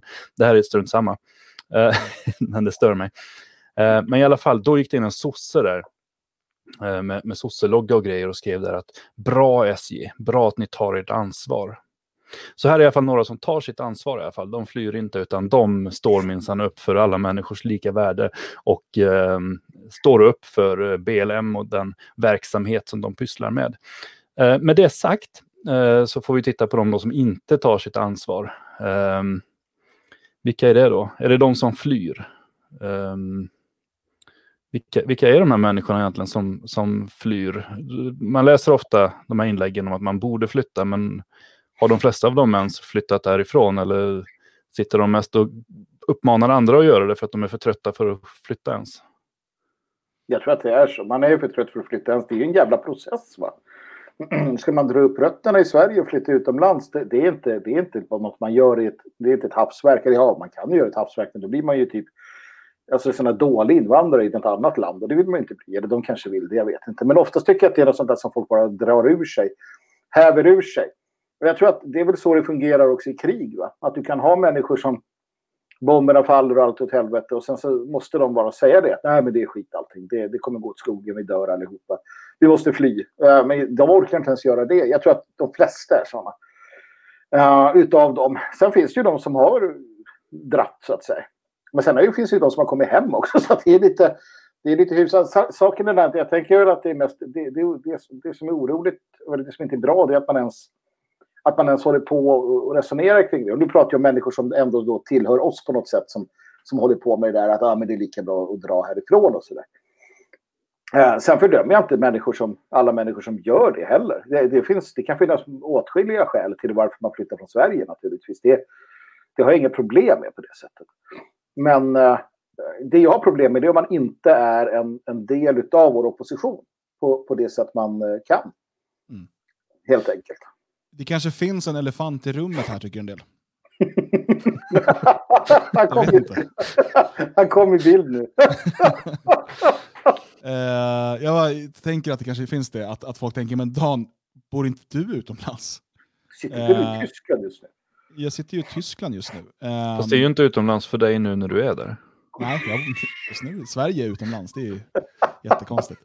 Ehm, och eh, jag förstår, jag förstår om folk inte får ihop det här nu när vi pratar om det. Men låt mig först bara, jag ska prata om den situationen strax, men eh, det här, det finns också en skillnad i att säga till folk att det är kört, det är dags att fly landet. Liksom, det, det, det är en helt annan, alltså det, det i sig, att folk flyttar utomlands av diverse anledningar, är egentligen inte så intressant. Eh, alltså det, det kan ju finnas tusen och en anledning till att någon väljer att bosätta sig utomlands tillfälligt eller permanent. Ehm, och det liksom må vara som det är. Men det är just det här att liksom påstå då att, att, att vi ska fly landet. Att, att liksom det är så kört att vi ska fly landet. Och då, för att min fråga blir också, fly vart då? Um, och, och, och de människor som säger att ja, Thailand, det är så här SD Thailand-grej. Ja, men helt ärligt, ska jag fly mitt land och bosätta mig i liksom något så främmande? Och om jag någonsin är tvungen att fly mitt land, eh, och jag tror aldrig att jag kommer vara det för att jag vill, det beror på hur gammal och skröplig jag är, men jag, liksom, jag, jag hoppas verkligen att jag aldrig kommer behöva fly mitt land um, så vill jag ju fly någonstans där jag kan känna mig hemma, där det är så likt hemma som möjligt. Um, jag skulle aldrig liksom vilja fly till, alltså det, det, okej om Thailand var liksom det sista fredliga landet där jag kunde överleva, uh, och min familj och sådär, men nej, det, det, det förstår jag inte. Jag tycker bara det låter som en bortförklaring för att man vill bo där det är sandstrand och billiga drinkar och tjejer med snopp. Det är, liksom, det är väl det som lockar de här människorna. Eh, jag, jag vet inte, så här, bättre att säga då så här, ja, men jag vill bo i Thailand för jag tycker det är skönare där. Okej, gör det du. Jag tycker det är konstigt, men det är ju liksom din grej. Men att påstå att du flyr från Sverige till det perfekta Thailand då, eller? Mm. Ah, Nej, det, jag, jag fattar inte. Eh, och visst, du kan hitta några europeiska länder som är, som liksom är eh, politiskt bättre än Sverige. Du har Ungern och så vidare. Eh, men jag, jag, jag, alltså just den här uppmaningen att fly landet, det, det är en typ av defaitism som jag, som jag inte klarar av. Och för att då bli av med den här elefanten i rummet, så jag har ju bott större delen av mitt vuxna liv utomlands. ehm, av massa olika anledningar. Först på grund av arbete, sen på grund av att jag träffade min, hon som blev min fru då här i Tyskland, sen flyttade vi till Sverige. Eh, och nu är vi tvungna att eh, flytta tillbaka till Tyskland utav eh, familjeskäl som jag väljer att hålla privat, men som har gjort att vi behöver vara här just nu, vet inte hur länge. Och under tiden så pendlar jag mellan Sverige och Tyskland. Ehm, och är liksom nästan på halvtid i Sverige och nästan halvtid i Tyskland. Just nu dock så är jag fast i Tyskland på grund av corona. Jag kan inte åka till Sverige och sen tillbaka till Tyskland som det är just nu. Så fort det är över så kan jag börja pendla ordentligt. Eh, men eh, eh, det är liksom ingen optimal situation, men alla som har familj och sådär vet att eh, det, det, det, finns, det finns saker som man kompromisser man måste göra liksom helt enkelt. Ehm, för att saker, saker och ting kan ske som gör att man behöver vara här. Ehm, Men det där du sa då eh, innan du stack, att du kastade en penna i bordet och sa att skatterna är så jävla höga, jag sticker från det här sosselandet, det finns ingen framtid där. Det är Ja. något du vill dementera nu då eller? nej, jag tycker nog fortfarande det, men jag skulle inte sticka för det. Det skulle jag hellre säga. Så, skatten är så jävla höga i det här sosselandet. Nu ska jag jobba svart, hade jag nog sagt. Alltså jag kan ju Eh. konstatera att, att eh, efter att ha själv då eh, flytt till Tyskland för att bygga upp motgift och liknande under en period eh, för några år sedan. Så att, att flytta för att skatterna är för höga, det skulle jag aldrig göra. Det, det orkar jag inte. Det, det är för mycket tid och, och kraft som läggs ner för att då flytta och komma in i ett nytt land och så. Utan då skulle jag ju hellre, um, ja, sådär, liksom. Mm. Det är bättre. hitta, hitta andra lösningar. Nej, men, och att vi eh, bosatte oss i, eh, i Tyskland, eller att du och din familj kom ner, och så här, det var ju det som gjorde att vi kunde driva motgift på heltid. Eh, för att vi Mm. kunde minimera våra kostnader på ett helt annat sätt. Eh, men det är också intressant att svensk alternativmedia i så stor utsträckning har drivits från utlandet. Oh ja, oh ja. Eh, motgift eh, från Tyskland, eh, Fria Tider från Malta, eh, Bubbla eh, från, nu är från Ungern, tidigare också Malta. Eh, och eh, det, är bara, det, det är lite spännande. Ja, med, eh, samma sak bokförlagen och, och sådär har ju varit ut, utlandsposterade. Ja. Um, och så, så att, eh, nej men, och det är ju på, det är ju på grund av att det är fan nästan omöjligt att göra det här i Sverige. Orsaken till att vi kan göra det nu, det är ju tack vare föreningen. Tack vare Fria Sverige och tack vare de muskler som har byggts upp över tid i föreningen. Annars hade vi Ja, inte kunnat Red Eyes nämns här i chatten också såklart. eh, Absolut, som också är ett Eyes. svenskt projekt. Alltså det är lite, det är lite, det säger en del. Men nej, så att den kategorin kan vi ju lägga, lägga åt sidan. Den är inte intressant i sammanhanget. Utan det är just de här andra personerna vi pratar om. Då. Men jag menar, jag vet inte vart man ska börja någonstans. Men om man tar de där poliserna och så där. Först och främst, det där är ju... Ja, jag vet inte om de är på riktigt eller om det är liksom... Det där är sådär, den klassiska sosse... Eller det är verkligen så här demokraturens kreatur. Eh, är det. Så här, det är ju samma sak den där eh, IB Östermalm, Södermalm eller vad han heter, Viktor Adolfsson och allt vad de heter. Alla de här Twitterpoliserna, det är så här. Ja, vi upprätthåller lag och ordning, eh, det är vad vi gör, vi, vi står för den liberala demokratin och alla har rätt att uttrycka sig, bla bla bla bla bla bla bla är bara så här, eh, inte en fri och egen tanke, faktiskt. Det är skrämmande att se dem. Det är som att man, man tror inte att de finns, men det gör de. Mm. Ja, och sen, så, sen är de en del av hela den här... äh, alltså de är försvarar det här att knäböja framför en, en pöbel i... Ja, inte för att det var taktiskt att tjejen var rädd eller så, utan för att det var rätt att göra det. Liksom. Mm. Att så här, nej, hon ska ha beröm, hon ska inte ha avsked och sådär. Det, det, ja, sen den där dunkelblå som ska vara så häftig. Så, äh, vi, jag, det spelar ingen roll om det är förortskids eller Antifa eller nassar vi tar dem alla. Men det gör det ju inte. Skitprat liksom. Mm. Och så vidare. Så att, det är bara en, en intressant typ av människa som finns i samhället. Det finns ganska många av dem också ska vi be. Det är de som upprätthåller systemet ehm, och har gjort det i alla tider. Kommer till här i chatten, exakt 24. Eh, Erik Almqvist bor ju i Ungern. Just det. Ehm, så ja, det, det, det är en intressant observation som, eh, som man nog kan fundera lite kring. Men eh, eh, jag, jag skulle säga att ändå den kategorin, och det är här vi kanske kommer in på ansvar och det, eh, som, som jag har svårast för, det är ju den här jag tänker inte sätta barn till världen eller jag är glad att jag inte har några barn för att läget är så hemskt. Eh, för det första, våra förfäder har stått inför betydligt, betydligt hårdare tider. Mm. Alltså, jag, jag, jag blir förbannad på den här bortskämda jävla svensken. Som, som är såhär, åh, och det är så himla hemskt nu, det har aldrig varit värre. Jo, det har varit mycket, mycket, mycket värre. Det har varit annan problematik, absolut, men vi har haft, vi har haft svält och krig och farsoter av alla dess slag. Tänk om våra förfäder hade sagt, men fy fan, nu är det, ju- det är 30-årigt krig nu. Vi kan inte, kan inte sätta barn till världen, det är krig hela tiden, det är jättehemskt. Åh nej, eh, det var missväxt, vi kan inte sätta något barn till världen. Vad som har hänt här, och det här, här måste jag säga, och nu, nu, nu kommer eh, vänstermänniskorna bli arga på mig, men det här är ju resultatet, det här är ett, en av baksidorna utav välfärdsstaten. För att det välfärdsstaten har gör är att ta bort ansvaret för att säkra din egen framtid. Eh, vilket, att den bästa pensionsförsäkringen man har haft, framförallt i det eh, förindustrialiserade samhället, eh, har ju varit att eh, bilda familj, skaffa många barn. Eh, tyvärr var det så att så många inte, alla inte överlevde och sådär, men de kunde sen hjälpa till på gården, de kan ta hand om dig när du blir äldre, någon av dem kanske till och med kan få iväg och studera, eh, och det var liksom så du kunde bygga upp en trygghet. Det var ett eh, liksom, naturligt sätt. Idag har du outsourcat, som det så fint heter, tryggheten till staten, denna koloss som du inte riktigt förstår vad det är för någonting, eh, som ser till att vad som än händer, du kommer vi se till att du, liksom, du får mat och du får eh, tak över huvudet. I de allra flesta fall blir det så.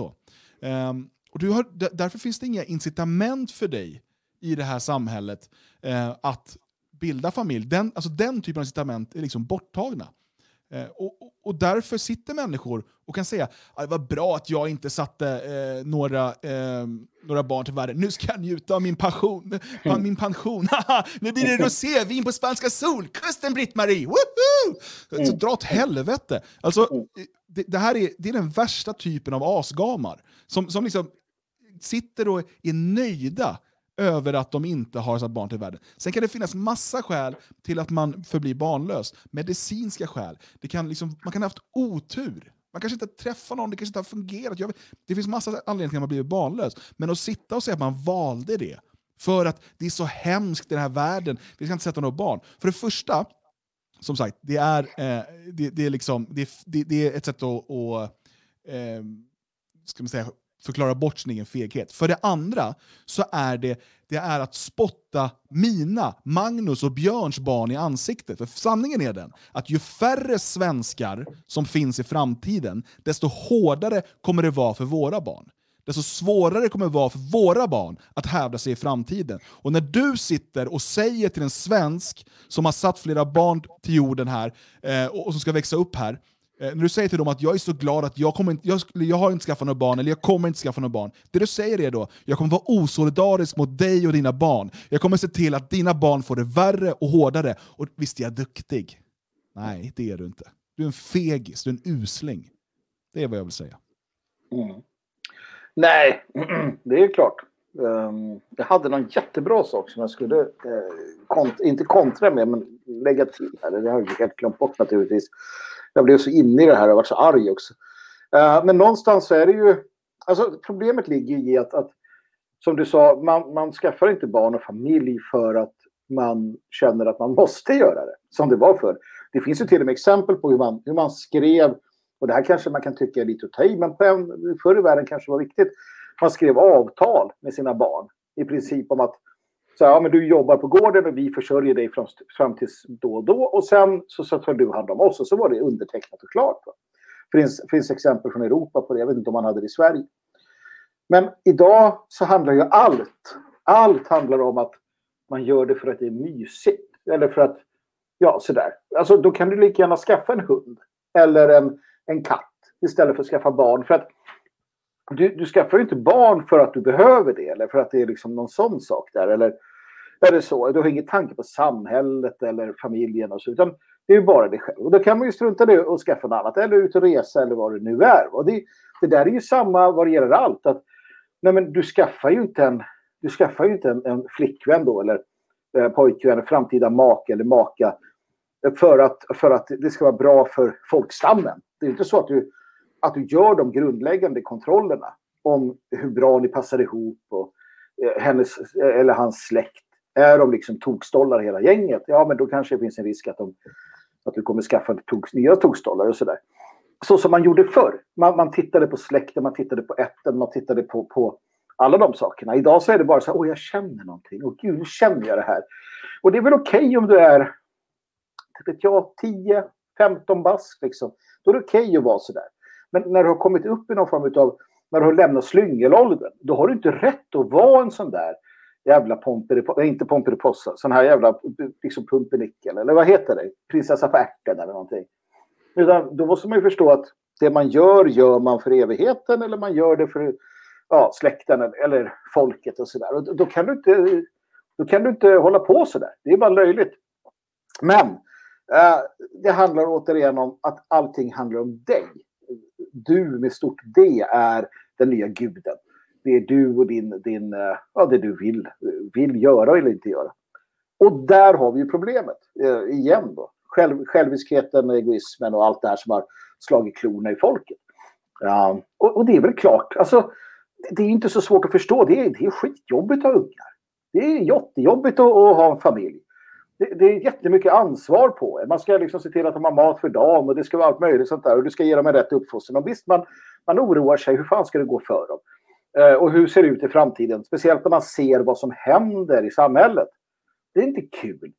Men vad spelar det för roll? Det handlar inte om att vara kul. Alltså, har du missuppfattat något? Livet handlar inte om att ha roligt. Eh, att ha roligt är sekundärt. Livet handlar om plikt och pliktuppfyllelse. Ditt människovärde avgörs, precis som Nordström säger, eh, av din plikt. Alltså om du följer och lyder din plikt och har ett människovärde. Den som är, inte gör det har inget människovärde. Punkt slut. Det är inte svårare än så. Ha kul, trams, plikt, rätt. Allt annat fel. Mm. Ja, Björn, säg emot oss. Nej, det tänker jag inte göra. Eller det, det skulle vara att sprang omkring folk där och visste att det var ett 30-årigt krig i, i, i 30 år. Men bortsett från det så vet jag inte. um, eh, men, men jag vill ju säga att jag tror att väldigt många av de här eh, människorna som vi ser nu som sitter och klagar och förklarar att nu ska jag flytta härifrån eller förklarar att jag har inte skaffat några barn och det är, det är av eh, ideologiska skäl för man kan inte sätta barn till den här världen och så. Det är ju egentligen en ganska stor mängd alltså förlorare. Människor som de har inte lyckats skaffa barn eh, för att de helt enkelt de, de har inte hittat någon som vill ha dem. Och eh, de, de har inte eh, sprungit runt och varit eh, ideologiskt medvetna om samhällets förfall i årtionden, utan de har upptäckt det nu. Nu har de plötsligt upptäckt att nej men fan, eh, jag betalar en jävla massa skatt och jag får ingenting för det, utan jag ser bara en massa främlingar ute på gatorna. Um, och, och så försöker de då sätta ihop allt det här och de vantrivs. Men de vantrivs ju med ett samhälle de själva varit med och skapat, för de har röstat på sossarna och moderaterna i årtionde efter årtionde. De har skapat det här samhället, allting. Och nu plötsligt så passar det väldigt bra att säga att eh, nej, men det här samhället vill inte jag ha, så jag drar härifrån. Jag är glad att jag inte skaffar några barn. Jag är eh, glad att jag kan dra härifrån väldigt lätt. Det finns ingenting som håller mig kvar. Jag har min pension. Jag lämnar den här skiten. Men eh, det är ju den skiten de har skapat med att rösta på det de har gjort. De har trott på det de har läst i tidningarna. De har inte reagerat, de har inte sett, de har inte förstått, de har inte gjort någonting. Och nu när de upptäcker plötsligt vilket helvete de har skapat, ja men då passar det bra att dra. De borde ju vara de absolut första att ställa sig upp och be om ursäkt och säga att nu ska jag ägna hela mitt liv åt att rätta till det jag har gjort fel. Varje gång de har gått till vallokalen, varje gång de har sponsrat Aftonbladet med 10 spänn för deras jävla tidning, varje gång de har på olika sätt bidragit till det här samhällets förfall. Det ska de ju göra rätt för nu. Nu när de går i pension, då har de alltid i världen. Ut och dela ut flygblad, prata med människor, sätta upp klistermärken, misshandla en politiker, gör vad fan som helst. Sitt inte bara där och lämna allting åt eh, ja inte dina barn då, för det har du inga, men åt, åt eh, samhällets barn. Lämna inte det du har skapat, utan se då till att rätta till det du har gjort. Ja, men det är ju alltså, på samma sätt som att man eh, innan man fyller en viss ålder är i princip inte straffmyndig. Och då borde man ju ägnat sig åt helt andra saker, för man var ju knappt straffmyndig. Va? Så, så borde man ju som en åldring också då. Jag menar åldringar idag som du säger, de är ju också de är ju liksom fit for fight. De går på gym och är starka och sådär de kan väl gott och väl sopa till någon jävel lite då och då. Va? Och det borde ju inte rendera särskilt hårda straff kan man tycka ändå. De kan ju skylla på demens och allt möjligt roligt. Så att absolut, fan en hel armé utav liksom eh, käpp och växtringande åldringar som så här anfaller i BLM-pöbeln. Det hade ju varit något. Ja. Jag tror att vi är något på spåren här. Alltså. Nej, men, man vänder sig ju emot hela den här inställningen och, och det är här vi kommer in på det som är titeln också, det här att fly sitt ansvar. För jag menar ju att man har ett ansvar gentemot, inte bara liksom, kommande generationer, alltså mina barn och mina barnbarn och så vidare, utan också mot våra förfäder. Man måste förstå hur många generationer innan en som inte har sagt så här, jag väljer bort barn. Alltså ingen av dem innan har gjort det, kan jag berätta då. Eh, liksom, sen kanske inte alla liksom blev, alla, allting var liksom planerat. Och de hade, jag tror inte man gjorde så för några hundra år sedan. Man så planerade, ja men då passar det ju bra, då är du klar med utbildningen gumman. Då, då, då har vi tillräckligt stor lägenhet. Sådär. Det, det funkade inte så. Eh, men men, men eh, det ansvaret vi har också för att de människorna som under så många generationer innan oss har lagt grunden till att vi ska kunna leva som vi gör idag. Till att du och Britt-Marie ska kunna åka till spanska solkusten och dricka rosévin. Du har ju ett ansvar också gentemot dem eh, att faktiskt ta vara på det och se till att vårt folk lever vidare. Och det, om du väljer att inte skaffa barn så säger du att nej, jag bryter kedjan. Och du kan mycket väl tänka men det är bara jag. Det är ju någon annan kommer ju skaffa barn. Och det är ju den här någon annanismen som vi alltid känner till som är liksom, förhärskande. Någon annan får lösa det där. Någon annan kommer fixa det. Alltså, problemet är att eh, det är inte, självklart inte så att alla svenskar kommer tänka så över en natt. Men det räcker att 10%, 20% gör det för att vi ska få drastiskt sjunkande födelsetal, vilket vi har sett nu sedan välfärdsstatens totala inbrott, eh, legaliseringen av abort och så vidare. Så eh, har vi sett hur födelsetalen har sjunkit, vilket man idag använder som eh, högsta motivering till att vi måste ha massinvandring. Eh, för att alldeles för få har sett det som en del av ens plikt, en del av ens ansvar mot föregående och mot kommande generationer att föra folket vidare. Man har kanske varit uppfylld med andra pliktkänslor. Pliktkänsla att betala skatt, eller pliktkänsla att gå till jobbet, eller pliktkänsla att hålla gräsmattan i trim, eller pliktkänsla, jag vet inte. Massa sådana saker. Men den mest avgörande saken mer avgörande än allt ekonomiskt välstånd vi kan tänka oss. Att föra folket vidare in i evigheten. Det, den plikten har man inte uppfyllt. Och det, det, det, är, ett, det är ett stort svek. Och, menar, vi är i den situation vi är i idag, men dagens generation, de som fortfarande idag kan bilda familj och se till att vårt folk lever vidare, de får inte resonera så. Vi har sett resultatet av 50 år utav den här typen av tänkande.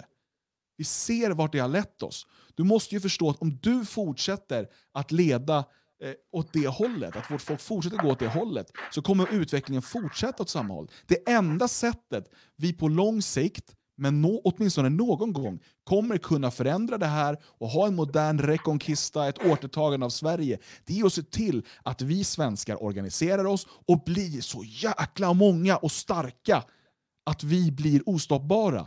Och vi blir inte det, vi kan inte klona oss. Vi kan inte rekrytera folk från andra sidan jorden och göra dem till svenskar, det vet vi. Det enda sättet vi kan skapa svenskar är i en svensk livmoder. Det är ju det ansvaret vi måste ta. Och eh, det finns liksom ingen annan väg. Och, och, som sagt, det kan finnas medicinska skäl eller andra skäl till att man aldrig blir förälder. Eh, och Det kan vara den största sorgen i livet, andra klarar det bättre. Det finns sådana historier, absolut. Men att aktivt välja bort barn, det är inte acceptabelt i, det, eh, i Sverige, i det läge vi befinner oss i. Nej, men här finns ju också, och jag ser att man tar upp det i chattarna här som jag ser det här med att, eh, att, att det nödvändigtvis inte måste handla om Alltså att det tillhör det förgångna, det agrara samhället med många barn. Vi pratar ju jättestora barnaskaror. Och det finns en sanning i det. Det finns en sanning i också som man skriver att det handlar inte så mycket om många barn utan om en stabil befolkningspyramid. Och det finns en sanning i det också. Men just nu, just nu och där vi befinner oss, så vill jag bara meddela att sådana som vi, vita människor, utgör totalt färre än 10 procent av jordens befolkning. Uh, och i åldern att kunna skaffa barn eller yngre, flickor, kvinnor i åldern att skaffa barn eller yngre, inte vet jag, 2 procent, 3 procent. Mm. Det ligger väldigt dåligt till där. I Sverige ser vi hur, här, hur de här siffrorna sjunker och, det är samma i, i Europa och man kan konstatera att om man tar Ungern eller andra sådana här framgångsländer, om de inte får igång sin befolkningstillväxt så kommer det inte finnas några som kan stå på på barrikaden och vakta landet. Det kommer bli ett vakuum. För de kommer försvinna som folk eh, om de inte ökar befolkningstillväxten. Så att det är sant att i, i den bästa av världar, i ett, i ett framtida samhälle, jag är helt säker på att vi, när vi har vårt vita rymdimperium, vi kommer inte behöva 12 ungar per familj. Eh, det kanske räcker med ett par stycken. Eh, det finns ju också en, en nedre gräns för när vi har en, en stabil eh, utveckling och inte. Och det är jag helt säker på att det kommer, kommer vara så. För jag är inte heller för att du skaffar 12-15 barn eh, bara för att och sen så har du inte råd mer och du hamnar i misär. Och vi har ju sett det från, från USA till exempel hur, hur den svarta befolkningen har lidit hårt av stora familjer men pappan försvinner och så där. Det är inte så vi vill ha det. Va? Men, men eh, att, att man som ung och frisk idag väljer bort aktivt att skaffa barn, det är ju att vara en del av problemet. Eh, det är ju att, att vända sig mot sitt eget folk, för det är livsfarligt. Och det måste vi ändå kunna vara väldigt tydliga med. Mm. Och jag vill också poängtera där att Eh, det här med att ha en stabil befolkning och framförallt en stabil befolkningspyramid, alltså när det gäller eh, åldersstrukturen i samhället. Eh, det, det är helt sant om du vill upprätthålla en stat och en civilisation. Men där måste vi ju se till vilken situation vi befinner oss i nu. Och för att ta det här ett steg längre, jag talar ju nu inte om alla, nödvändigtvis alla etniska svenskar. Eh, Det är inte främst de som, som intresserar mig, utan nationellt sinnade etniska svenskar som kan uppfostra sina barn med eh, en svensk nationell värdegrund, som det så fint heter. Eh, det är de här människorna, för att det du måste se framåt nu, det är inte fem år, tio år, du måste kolla 50, 100, 200 år. Du måste se att vi behöver inte sätta fler svenskar till världen idag för att upprätthålla Sverige AB, för att hålla den här eh, nuvarande civilisationen vid liv. Utan för att vara så starka och väl förberedda för den mycket, mycket hårda framtid som väntar. Där har ju definitisterna rätt, det kommer bli hårt. Det kommer bli hårdare än vad det är nu. Men det enda sättet vårt folk kan leva vidare i framtiden är ju genom att vi som vill att vårt folk ska leva, alltså vi nationellt sinnade, genom att vi ser till att organisera oss och se till att våra led eh, stärks så mycket som möjligt med kommande unga, friska, starka generationer. Och det är där vi är. Så att absolut, hade Sverige varit svenskt, eh, hade liksom vi haft ett, ett fungerande politiskt styre och så vidare, då hade det varit, och vi hade varit i den civilisatoriska eh, utveckling vi är idag, så är det, så här, men då är det ganska bra om vi kan hålla oss runt 2,0 barn liksom i snitt där någonstans. Eh, och upprätthålla och hålla igång, för att inte, så det finns ingen mening att liksom öka i all evighet. Men idag, där de vita människorna är en krympande minoritet i världen, där svenskarna är en blivande minoritet i Sverige, där de nationellt sinnade svenskarna redan är en minoritet i sitt eget land. En liten minoritet i sitt eget land. Vill vi ha en framtid för nationellt sinnade svenskar så måste vi se till absolut rekrytera fler svenskar till oss, men också att bygga de kommande generationerna. Och därför är det en del av ditt nationalistiska ansvar, ditt, ditt, ditt, liksom din nationalistiska aktivism, om du så vill. Att inte bara, inte bara producera barn, utan uppfostra dem. Uppfostra dem till att kunna föra facklan vidare. Det är de som är de kommande generationerna som ska bygga svenskarnas hus, som ska, som ska bygga det fria Sverige, som ska bygga de här bastionerna som ska utgöra platser där vi svenskar har kontroll över allt som finns där. Det är, de, det är våra barn och barnbarn som kommer kunna realisera den här stora visionen som vi just nu bara lägger en grund till. Och det är deras barn och barnbarn som kommer få utgöra frontlinjen i de etniska strider som kommer ta, som kommer ta plats över hela Europa. Det, det finns liksom ingen annan framtid. Och antingen ser vi till att vi är många och starka då, eller så är vi få och svaga. Det, är ju liksom då, det måste vi välja själva. Men, men du kom in på en problematik här som är viktig nog. Vi pratade om det här om sistens eh, och vi pratade om det här med eh, filmklipp och på nätet och misshandlade svenskar eller vita människor. Och, och jag förstår ju också det. Den här eh, viljan och lusten att sätta barn till världen. Den minskar ju ju mer du tittar på sånt till exempel. Om du ser hur, hur små barn eh, misshandlas av horder av, av främlingar. Det är klart att du inte vill sätta barn till världen. Eh, om, om du ser hur, eh, om du hela tiden matar dig själv med att, att tonårstjejer blir våldtagna. Ja, varför, varför sätta barn till världen? Eh, och det är inget konstigt. Så att här gör ju alla som, och menar jag då, alla som delar det här och, och och, tycker att det är en bra idé, de hjälper ju också till att hålla nere barnafödandet. De hjälper till att hålla en, en defaitistisk och, och ganska sådär eh, sorglig syn på, på vår omvärld. Eh, så att, så att eh, det, det, är, det är ju ett, ett stort, stort problem i sig. Um, för att det, det leder till det här naturligtvis. Och jag vet inte hur man ska komma runt det mer än att, att försöka vara positiv och försöka ha en anda utav att, ja men vadå? Uh, det, det är klart att man kan leva ett, ett gott liv också nu. Jag, jag, jag tänker ibland på att Pentti Linkola har barn. Jag menar om han som hatade mänskligheten. Han hatade den, ville döda den i princip. Alla skulle dö, i princip. Han hade barn. Och vad fan har någon annan för ursäkt att inte sätta barn till världen om Pentti gjorde det? Det, det ja, jag vet inte. Mm. Nej, men sen är det ju också så här, men det, det kan finnas diverse anledningar till att man inte skaffar barn och man, man kan inse själv att äh, men jag kommer bli en usel förälder med mitt eh, narkotikamissbruk och eh, ja, eh, behov av att misshandla barn när jag ser dem. Eller vad som helst. Eh, jag menar visst, skaffa inte barn då. Eh, har du ett väldigt behov av att flytta till eh, ett annat land, kanske vid pensionen, åka till Spanien och bo där eller någon annanstans. Men gör det. Men uppmana inte andra till att följa ditt exempel och gör det inte till en politisk handling. Utan om du inte vill skaffa barn så skaffa inte barn. Gå inte ut och uppmana alla andra till att inte göra det och lägga en massa politiska anledningar till det.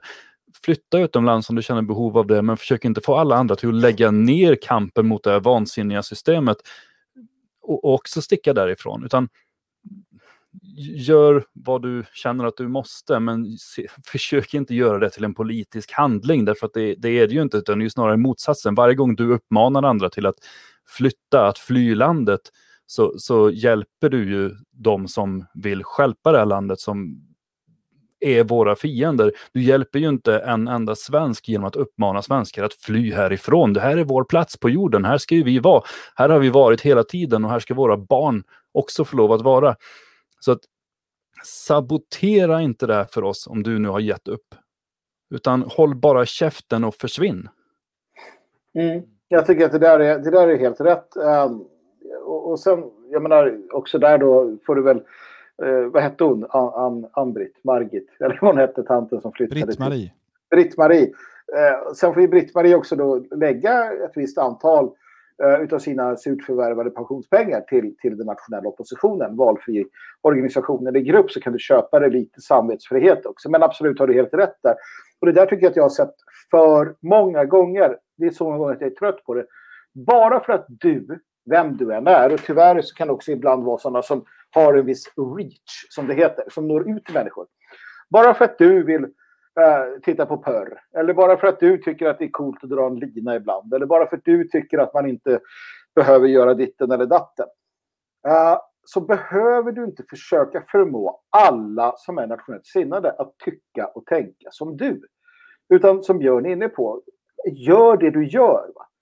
Men liksom få inte det till att, att bli en politisk fråga och, och försöka dra ner andra. För att då måste din, trut, din, din, din trut täppas till. Mm. Och då blir det jobbigt och bråkigt för då måste vi säga att ja, men den här personen, den har fel, den uppmanar till, till det här och det är vansinne. Utan gör det. Ha dina jävla later, vad det nu kan tänkas vara. Eh, I sådana fall hellre hyckla och säg att nej, man ska inte göra ditten och datten och sen när du stängt av webbkameran så går du och gör ditten och datten. Hellre det.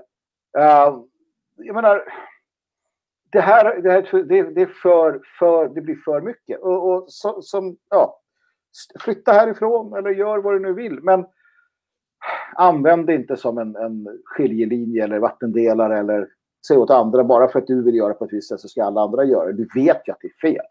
Och de flesta vet ganska bra att nej, men det här är inte rätt. Va?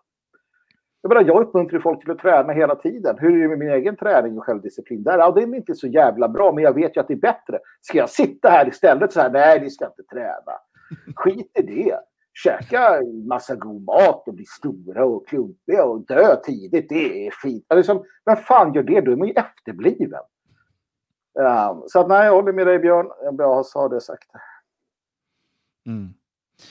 Jag eh, såg här i chatten på YouTube, där vi bland annat sänder att eh, en Felicia skriver där att hon, eh, hon är 19, hon, har, hon, hon vill gifta sig, och, eller hon vill skaffa barn, här, minst två barn. Eh, så att jag räknar med att frierierna står som spön i backen här inom kort. Eh, de här nationalistiska unga männen som säger att det är omöjligt att hitta en bra kvinna. Ja, fan. Felicia. Felicia lyssnar åtminstone på oss, så att eh, förmodligen är hon bra. Eh, så där har ni. Det är väl bara, nu, nu bör vara kö. Det borde, borde ha folk utanför henne med luta och spela, så sjunga serenader utanför hennes Ta det fönster. lugnt det här, att stackars Felicia hon kommer bli helt förstörd när det står en massa galna ah, killar och spelar luta utanför. Mm. Nej, men det är klart, det ska vara huggsexa om henne, det tycker jag absolut. Det är inte svårare än så. Ja. På bara. Ja. ehm, nej, men eh, det här är ju ett sånt här ämne som man behöver återkomma till ibland. Och jag tycker att det, det, det är väldigt viktigt för att alldeles för ofta försöker man, som du säger, man, man maskerar sina e sin egen feghet eller sin egen uselhet, vad det än liksom är, i då någon politisk klädnad, att det här är politiskt motiverat. Men sanningen är den, när det gäller det här så är ju den, alltså om du inte har några väldigt, väldigt grava de, liksom, genetiska fel som är 100% ärftbart, så du bara, nej, jag ska inte ha barn för det barnet kommer aldrig kunna le- bli funktionsdugligt. Liksom. Eh, så, så är det ju liksom det rätta eh, att göra vad du kan för att bilda familj och, och, och uppfostra barn till att bli bra nationellt sinnade svenskar. Eh, sen, precis som ni varit inne på, jag tycker man ska vara ärlig med det. Eh, om man är eh, liksom så här att man, man väldigt mycket vill ha det här moderna livet och den personliga eh, frigörelsen och liksom backpacka och bete sig som en tonåring tills man är medelålders. Nej, det kan du inte göra om du har barn. Det är helt sant. Men du bör titta över dina livsprioriteringar. Helt ärligt, det är liksom, det, så, så är det. Jag, jag har ju talat om det här i, i ett sommarprat för några år sedan, att eh, ett av mina största misstag var att medvetet, och jag har ju varit där själv då till viss del, medvetet vänta med att sätta barn till världen tills jag fyller 30. Jag skulle börja mycket tidigare. Mm. Jag skulle börja mycket tidigare. Ehm, jag skulle liksom... Jag ville börja tidigare, eh, det fick ett, ett missfall med, med, med mitt ex eh, och sen så gick det förhållandet till kras senare. Och, och så. Men att jag väntade till 30, det var egentligen alldeles för sent. Ehm, jag hade, med, liksom, Klaus Bernpeitner brukar säga tre innan 30. Jag hade gärna varit där. Ehm, men eh, bättre sent än aldrig, som, som någon annan kanske skulle ha sagt. Ja, så är det. Ehm, Jag, tycker att det, jag vet att vi har, eh, trots att vi är tre gaggiga gubbar, så har vi en del unga lyssnare och tittare. Och, och, jag menar, du har några år, liksom, det hör ungdomen till och hålla på med massa dumheter och, och sådär. Det, det är inte helt omöjligt. Men, men sen, eh, sen är det dags att ta, ta sig i kragen och eh, se till att hitta en ärbar kvinna och, och, och se till att uppfostra vackra, friska barn. Ja, och är hon inte helt ärbar, gör henne ärbar. Och, och tvärtom. Fruntimmer. Jag menar, hittar en kar som funkar och, och gör, gör, gör så att det blir bra. Det måste man också tänka på. Ja, Det, det är ju ett problem, den här idén om... och Jag backade själv en gång i tiden när jag läste för mycket riddarroman. Det var den här jävla idén om att, all, att man måste ha den här liksom, eteriska varelsen då, som skulle vara så jävla ren och allting. Men jag menar, vi lever i den tid vi lever och in, inte ens hjältarna är liksom uh, obefläckade nu för tiden. Det är bara att inse att vi kantstötta allihopa. Mm. Uh, sen kan man ha vissa personliga sådär, att det här kommer jag aldrig liksom kunna acceptera. Men, men faktum är att någonstans så får du bara manna upp till det faktum att det är kvinna upp till det faktum att vi är kantstötta och, och det är liksom inte alls så som det kanske skulle vara. Och sen får man bara bygga varandra i sådana fall, om det nu är så. Men, uh, men, men gör inga sådana där uh, gör inte som jag. Um, helt enkelt i den, i den biten. För då blir det också svårt vet du, när, du, när du är där. Men så, så att, eh, jag vet inte. Ja, det är svårt också att komma med tips om det där. Jag, jag, något jag inte gillar, det är ju människor som, men du vet, kommer med tips om saker de inte har någon jävla aning om. Va? Uh, menar, som människor som inte har barn som berättar hur man ska... Hur det, Ja, man ska som ändlöst kan berätta hur man ska göra. Och gärna när man står där med, med någon illbatting som härjar så bara, ja men det borde göra så här. Så bara, liksom, vad fan vet du om det din jävel? De borde bara hålla käften. med. Jag ger inte människor råd om vissa saker för att jag inte har någon koll på det. De borde inte säga så. Därför kan det vara problematiskt att ge, liksom, prata om det här med, med hur man ska dejta och så. För jag inser att jag lever i en helt annan... Min, mina erfarenheter kommer från en tid då det inte fanns Tinder. Alltså min, min sådär spontana reaktion på Tinder det är att kasta skiten i väggen. Men sen inser jag att det där verkar, jag vet inte, men det finns olika sådana här grejer. Och jag kan inte den här moderna världen. Um, så därför kan jag inte riktigt ge råd om det. Så att datingtips kan jag inte komma med. Utan, utan, utan det, det, sen finns det, vissa, det finns vissa grundläggande saker som alltid är samma. Vi är ju biologiskt kodade på ett visst sätt. Va? Och det är inte konstigt att den här filmen om den här italienska maffiabossen som kidnappar en tjej och säger åt henne att hon har ett år på sig att älska honom. Sen kastar, hon ut, kastar han ut henne. Att den, att den går upp på biograf, att, den är jätte, att alla på Netflix gillar den. Och feminister är skitarga, precis som de blev när 50 Shades of Grey kom och varenda fruntimme började läsa de där böckerna. Uh, vi är hårdkodade på vissa sätt. Och, Och du ska inte hålla på och läsa de här jävla gameböckerna. Det är ren skit är det. Läs Bibeln, läs lite David Lane, lite Eddan.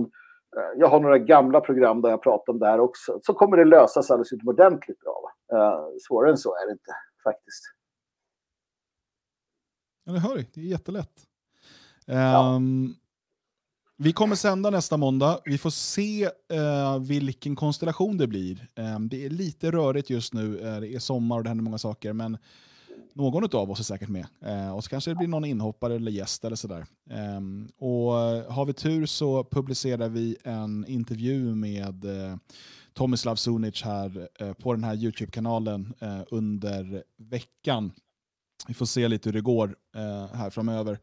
Eh, och ehm, ja, eh, annars tänker jag eh, gå in på detfriasverige.se, bli medlem om du inte redan är det.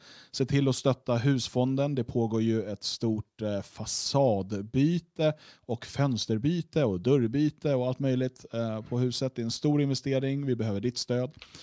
Detfriasverige.se, scrolla ner till husfonden. Idag Magnus så skickades ju det nya numret av Nationalisten ut till eh, prenumeranter. Visst gjorde den det. Tänk om jag hade haft ett nummer här och visat. Va? Ja, eh, nu är ju du i din eh, andra studio, den så kallade studiorum, studioköket. Studioköket, ja precis. Eh, och där har vi inte tillgång till, till dessa. Men eh, från och med imorgon kommer det gå att köpa som lösnummer dessutom på nationalisten.se.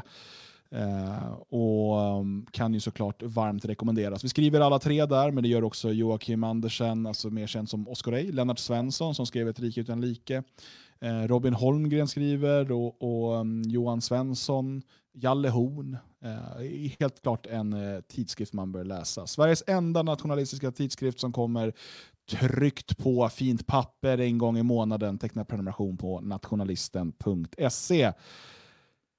Är det något mer vi borde säga, Magnus? Eh, massor, va? men framförallt så vill jag rikta in er på att, att uh, bli med i det fria Sverige. Uh, jag, jag ser utvecklingen uh, i Sverige, men framförallt nu tittar jag väldigt mycket på USA, vad som händer där, hur snabbt det går och hur obehagligt det är. Och jag är rädd för att vi, vi ser en liknande destabilisering i hela väst, eller vi gör ju det. Vi såg i Frankrike, i Dion och så vidare. Um, och, och ärligt talat, skit i det fria Sverige om ni vill det. Men kolla era nätverk. Vad har ni för människor? Vilka har ni som, som ni känner där ni bor? Vad har ni för förberedelser? Uh, för att, för att det, det, går, det går ganska hastigt nu kan jag tycka. Uh, och det kanske bara är, är det kanske bara är en, en ett skrämselskott, en skrämselhicka som vi har fått. Men jag tycker det är obehagligt och det, var, det har jag liksom inte känt på det sättet. Uh, men så att gör det. Och naturligtvis det Fria Sverige, föreningen. Um, I den kan du få hitta, du kan få hjälp att hitta den här typen av, av uh, ja, sammanhang där du kan ha någon som... För frågan är den, vem har din rygg? Det, det måste du ställa dig frågan, vem har din rygg? Och om svaret är ingen, ja, då har du problem. Mm. Så att uh, det Fria Sverige, bli en del av det. Pröva på, kom in i, i gemenskapen och se om du hittar någonting som passar dig. Liksom. Gör du inte det, men skit dit och skaffa något annat, gå vidare i livet. Va? Men, men gör inte ingenting så att säga. Um, så att, uh, men det är väl det som jag vill ha sagt. Eh, även den här veckan så hann vi inte prata om Aron Flam och hans eh, bok som han har problem med. Men Björn, du har ju gjort ett, eh, ett liksom eget filmklipp om det här. Va? Så att vill man eh, veta lite vad du tänker om, om det så kan man väl hitta det på YouTube. Ja, det kan man göra. Eh, Björn Björkqvist kan man söka efter om man lyckas stava rätt. Man kan titta där, eh, där, så stavas det. Eh, så kan man eh, skriva in det på Youtube och hitta en film om bland annat eh, Aron Flam-historien där med, med bokbeslag och andra spännande grejer. Jag berättar en liten anekdot om när jag själv blev gripen också i mina ungdomsdagar. Så det är eh, kul att titta på. Mm. Uh, men uh, ja, men det finns mer att säga där, men det tar vi en annan gång. Jag vet inte om ni har hört talas om, uh, det finns sådana här restauranger där man kan gå där det är helt mörkt så att man får känna hur det är om man är blind. Känns det hur det är att vara blind? Det finns sådana restauranger, så allt sker i mörker. Så jag tänkte mm. att vi avslutar det här med att Björn ger sina fem bästa tips för en mörker. Kunde han inte prata klart då så jag visste vad jag skulle göra? Dina fem bästa tips för en mörkerdejt. Alltså, om du går på dejt på, på en sån här restaurang där du inte ser någonting. Fem bästa tipsen, nu. De fem bästa tipsen. Det första är att prata inte, för att det förstör stämningen när det är mörkt och tyst. Det andra är håll er på bra avstånd ifrån varandra så att ni inte känner ifall man, man kan vara lite obehaglig i, i huden, så håll er en bit ifrån varandra. Det tredje är ha med en eh, lampa som man kan tända sen efter en stund, eh, för att det är tråkigt att sitta i mörker. Den fjärde eh, tipset är att eh, gå inte dit. Det där är idiotiskt och tramsigt och dumt. Och det femte tipset blir då att sitt istället hemma, ta ett glas vin, ha det så himla bra och trevligt. Det är de fem tipsen för en mörkerdejt.